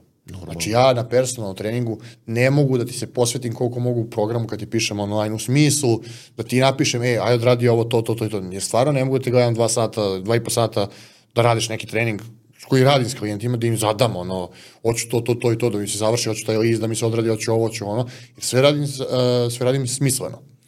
Ovaj, e, to ne mogu, mislim, personalno stvarno ne mogu da, da, da si posveći nekom dva i po sata puta deset ljudi, neš, nerealno je. S druge strane, ovo što si rekao, Uh, isto, ja na personalnim, na online treninzima ja mogu da im pišem pet treninga nedeljno ako neko hoće. Realno personalno ne radim s nekim pet treninga. Stvarno, da. te, Da. više gledam tebe nego roditelje, mislim, znaš. A s druge strane, ovo što si rekao, ba, Mislim, baš, nažalost, to kod nas ne možeš da unovčiš. Pa ne možeš, ne možeš, ali da- kažete, mislim, pre- previše, Ja. zamara. Uh, s druge strane, personalni trening, ovo što, baš ovo što si rekao, uh, ja, ja kad sam tu, znači, ok, pokažem ti ugao i to sve, ako nešto treba popravimo, ali nije ni, ni to poenta. Ovo što si rekao, što tebe ja teram preko granice. Ja kad ti kažem, uradim i osmicu, ti osmica bude knap. To ne mogu online da vidim. Da. I ti online da radim ljudima znaš koji kako se ja osjećam, Tako je. da I to, ovo sve vidiš uživo. I vidiš da je neko moran ili nije. Ili, eto, ja sam moran, a nisi. Tu možeš da ga izguraš do limita, preko limita. Isto tako, kad ti kao fazonu vidi, ga ovaj stoji iznad mene, iznad glave, brate, ne sam da stanem sad. Ima mi Kenja, opet što, što ja, znaš, što stajem na 8, a mogu da uradim 10. Ne, i drugačije, osim Drugačije, drugačije. i veću sigurnost. I znaš šta, ja kad radim sam, ako ono na granici sam, ti ćeš Ne, mi ne, malo jasno, pomoći i izgurat ćemo još jednu, dve. Tako da ima jedno i drugo, brate, svoje prednosti i mani i to, to Ali to. mislim da je, kažem, za početnike ne znam koliko efekta ima online trening. Pa, brate, oni moraju prvo da nauče da rade. Jeste. Znaš, to je, I tu neko mora da im pokaže. To je to, Ako to imaju to. sreću da, da dođu u neku old school teretanu gde ima nekog tu ko Da, je vlasnik, ko upravo. hoće da im se posveti. Jer se sad, mislim, ta industrija otišla u jednu krajnost gde ono, ako nemaš pare da platiš, neće niko ne ti pokaže. Ima, ima nekih dobrih duša još uvek. Ne, ima svakako, ali Kaže, sve brate, manje i manje. Znaš, Jel može ono ako jebi. mogu, brate, samo da završimo ovo. Ne, ali tebe vuče, brate, kad vidiš da ne radi dobro, Da. ono... Ne, ne, ne, ne mešam se nikad. A e, dobro, ne što mešaš ljudi se, su, ali- Ljudi su jako suetni i kad im, kao, A ne može da bude on sujetan, dođe 15 godina, brate, klinac. Pa, znaš, ali ne ne- priča, ja neću da kažem To- nekom od 30 E, to, godina, to, to, to, to, ali, to. brate, nekom klincu, kad vidim E, da je ovi- novi, vidim da je ono, me pa, brate, kazat ću mu. kad me vide tako po nekim teretanama, oni da čekaju, znaš, jo, brate, aj sad, Da. ja vidio sam, znaš, ili priđu, kao, ja, brate, gledam sam ti video, onda kao, e, kako ja ovo- vidio sam ovu vežbu kod tebe, Ali dobro, jebi ga. I ti Pređemo tako radiš community, on će kaže, e, pa naravno, pa mislim, to je- poštovao me lik, objasnio mi. Joj, brate, im- imam i momente kad sam ono u fazonu, baš ono, poslednji period priprema, rekao, brate, i onda pobegnem u neku teretanu da me, te mislim da me niko ne zna, da me zna manje ljudi ili nešto. E, a može pitanje? A dobro, ga. a meni trening, brate, to je samo, problem, da. Da, šta ćeš? Znaš, ono, stvarno gledam, brate, da budem tolerantan koliko mogu. Ne kažem, i, imam momente kažem, brate, ja samo da završim trening. Ono, A koliko bi tebi značilo da si ti na tvojim pripremama radio s nekim trenerom, ono, ti radiš sa Brda. Adonijem, sad online, Brda. ali da je on tu kad treniraš, da li bi ti bilo 30%, lakše? 30% bi mi bilo, ne bi mi bilo lakše, bilo bi mi teže, ali 30% bi bio bolji. Da. 30%. Da, verujem ja. Znači, za- zamisli kad neko, pritom to je neka osoba da, meni od autoriteta. Znači, sad zamisli da neko stoji tu, kaže, brate, radi, još, još. Pa ti onda on forsira. Ti ne smiješ, kaže ti mene, to je, ali to opet, to učiš, brate, od, od malena. A da, Tebe to je onaj taj mentalitet, Tako je, tebe je sramota, bre, da, bre, da prestaneš da treniraš. I da ne možeš više, ti ćeš da nastaviš da radiš. Još dođe Adoni jači od tebe, brate. Pa jesi, pa nije, ali zamisli kao, čekaj bre, ovaj matori može više od mene. Da, da, da. To je, ali to je tako. I kažem ti sigurno 30%. Bolje, bolje sve. Sad kad kažeš jebote, znaš ti šta je 30%? Znam i verujem da može. Da, da. Ali samo moraš je da, ali moraš da trening, nađeš, da, svaki trening, i moraš da nađeš da je, da je psihopat. Da, ima, da, ima, da imate sličan mentalitet. Znači ne možeš da radiš s nekim koga boli uvo. Ne, to Amatori, se podrazumeva to je kao, ako do- već do- radiš s njim, Ako ti uradiš da kaš će ti osam, kao, ma, to je to. Ne, brate. Šta, šta je to? Hoću još, hoću još, hoću još. Ali i da on zna gde je tvoja granica. Da, ali mislim da kad, kad ovaj, se spremaš za takmičenje, kad si na hemiji, brži ti oporavak, drugačije Jeste, osjećaj, mislim Jeste, da brži oporavak i, i možeš više da se pokidaš. Slažem se, možeš mo naravno, ali opet imaš, znači, sećam tu se, granica sećam se tako je, sećam se poslednjih uh, dve nedelje, tri nedelje priprema, kaže da oni samo pazi na pokrete, hoće da budu kontrolisani. Idi do otkaza, ali ideš kontrolisan pokret, jer suv si, prazan si, znaš, već ne osjećaš, brate, a, a suv si.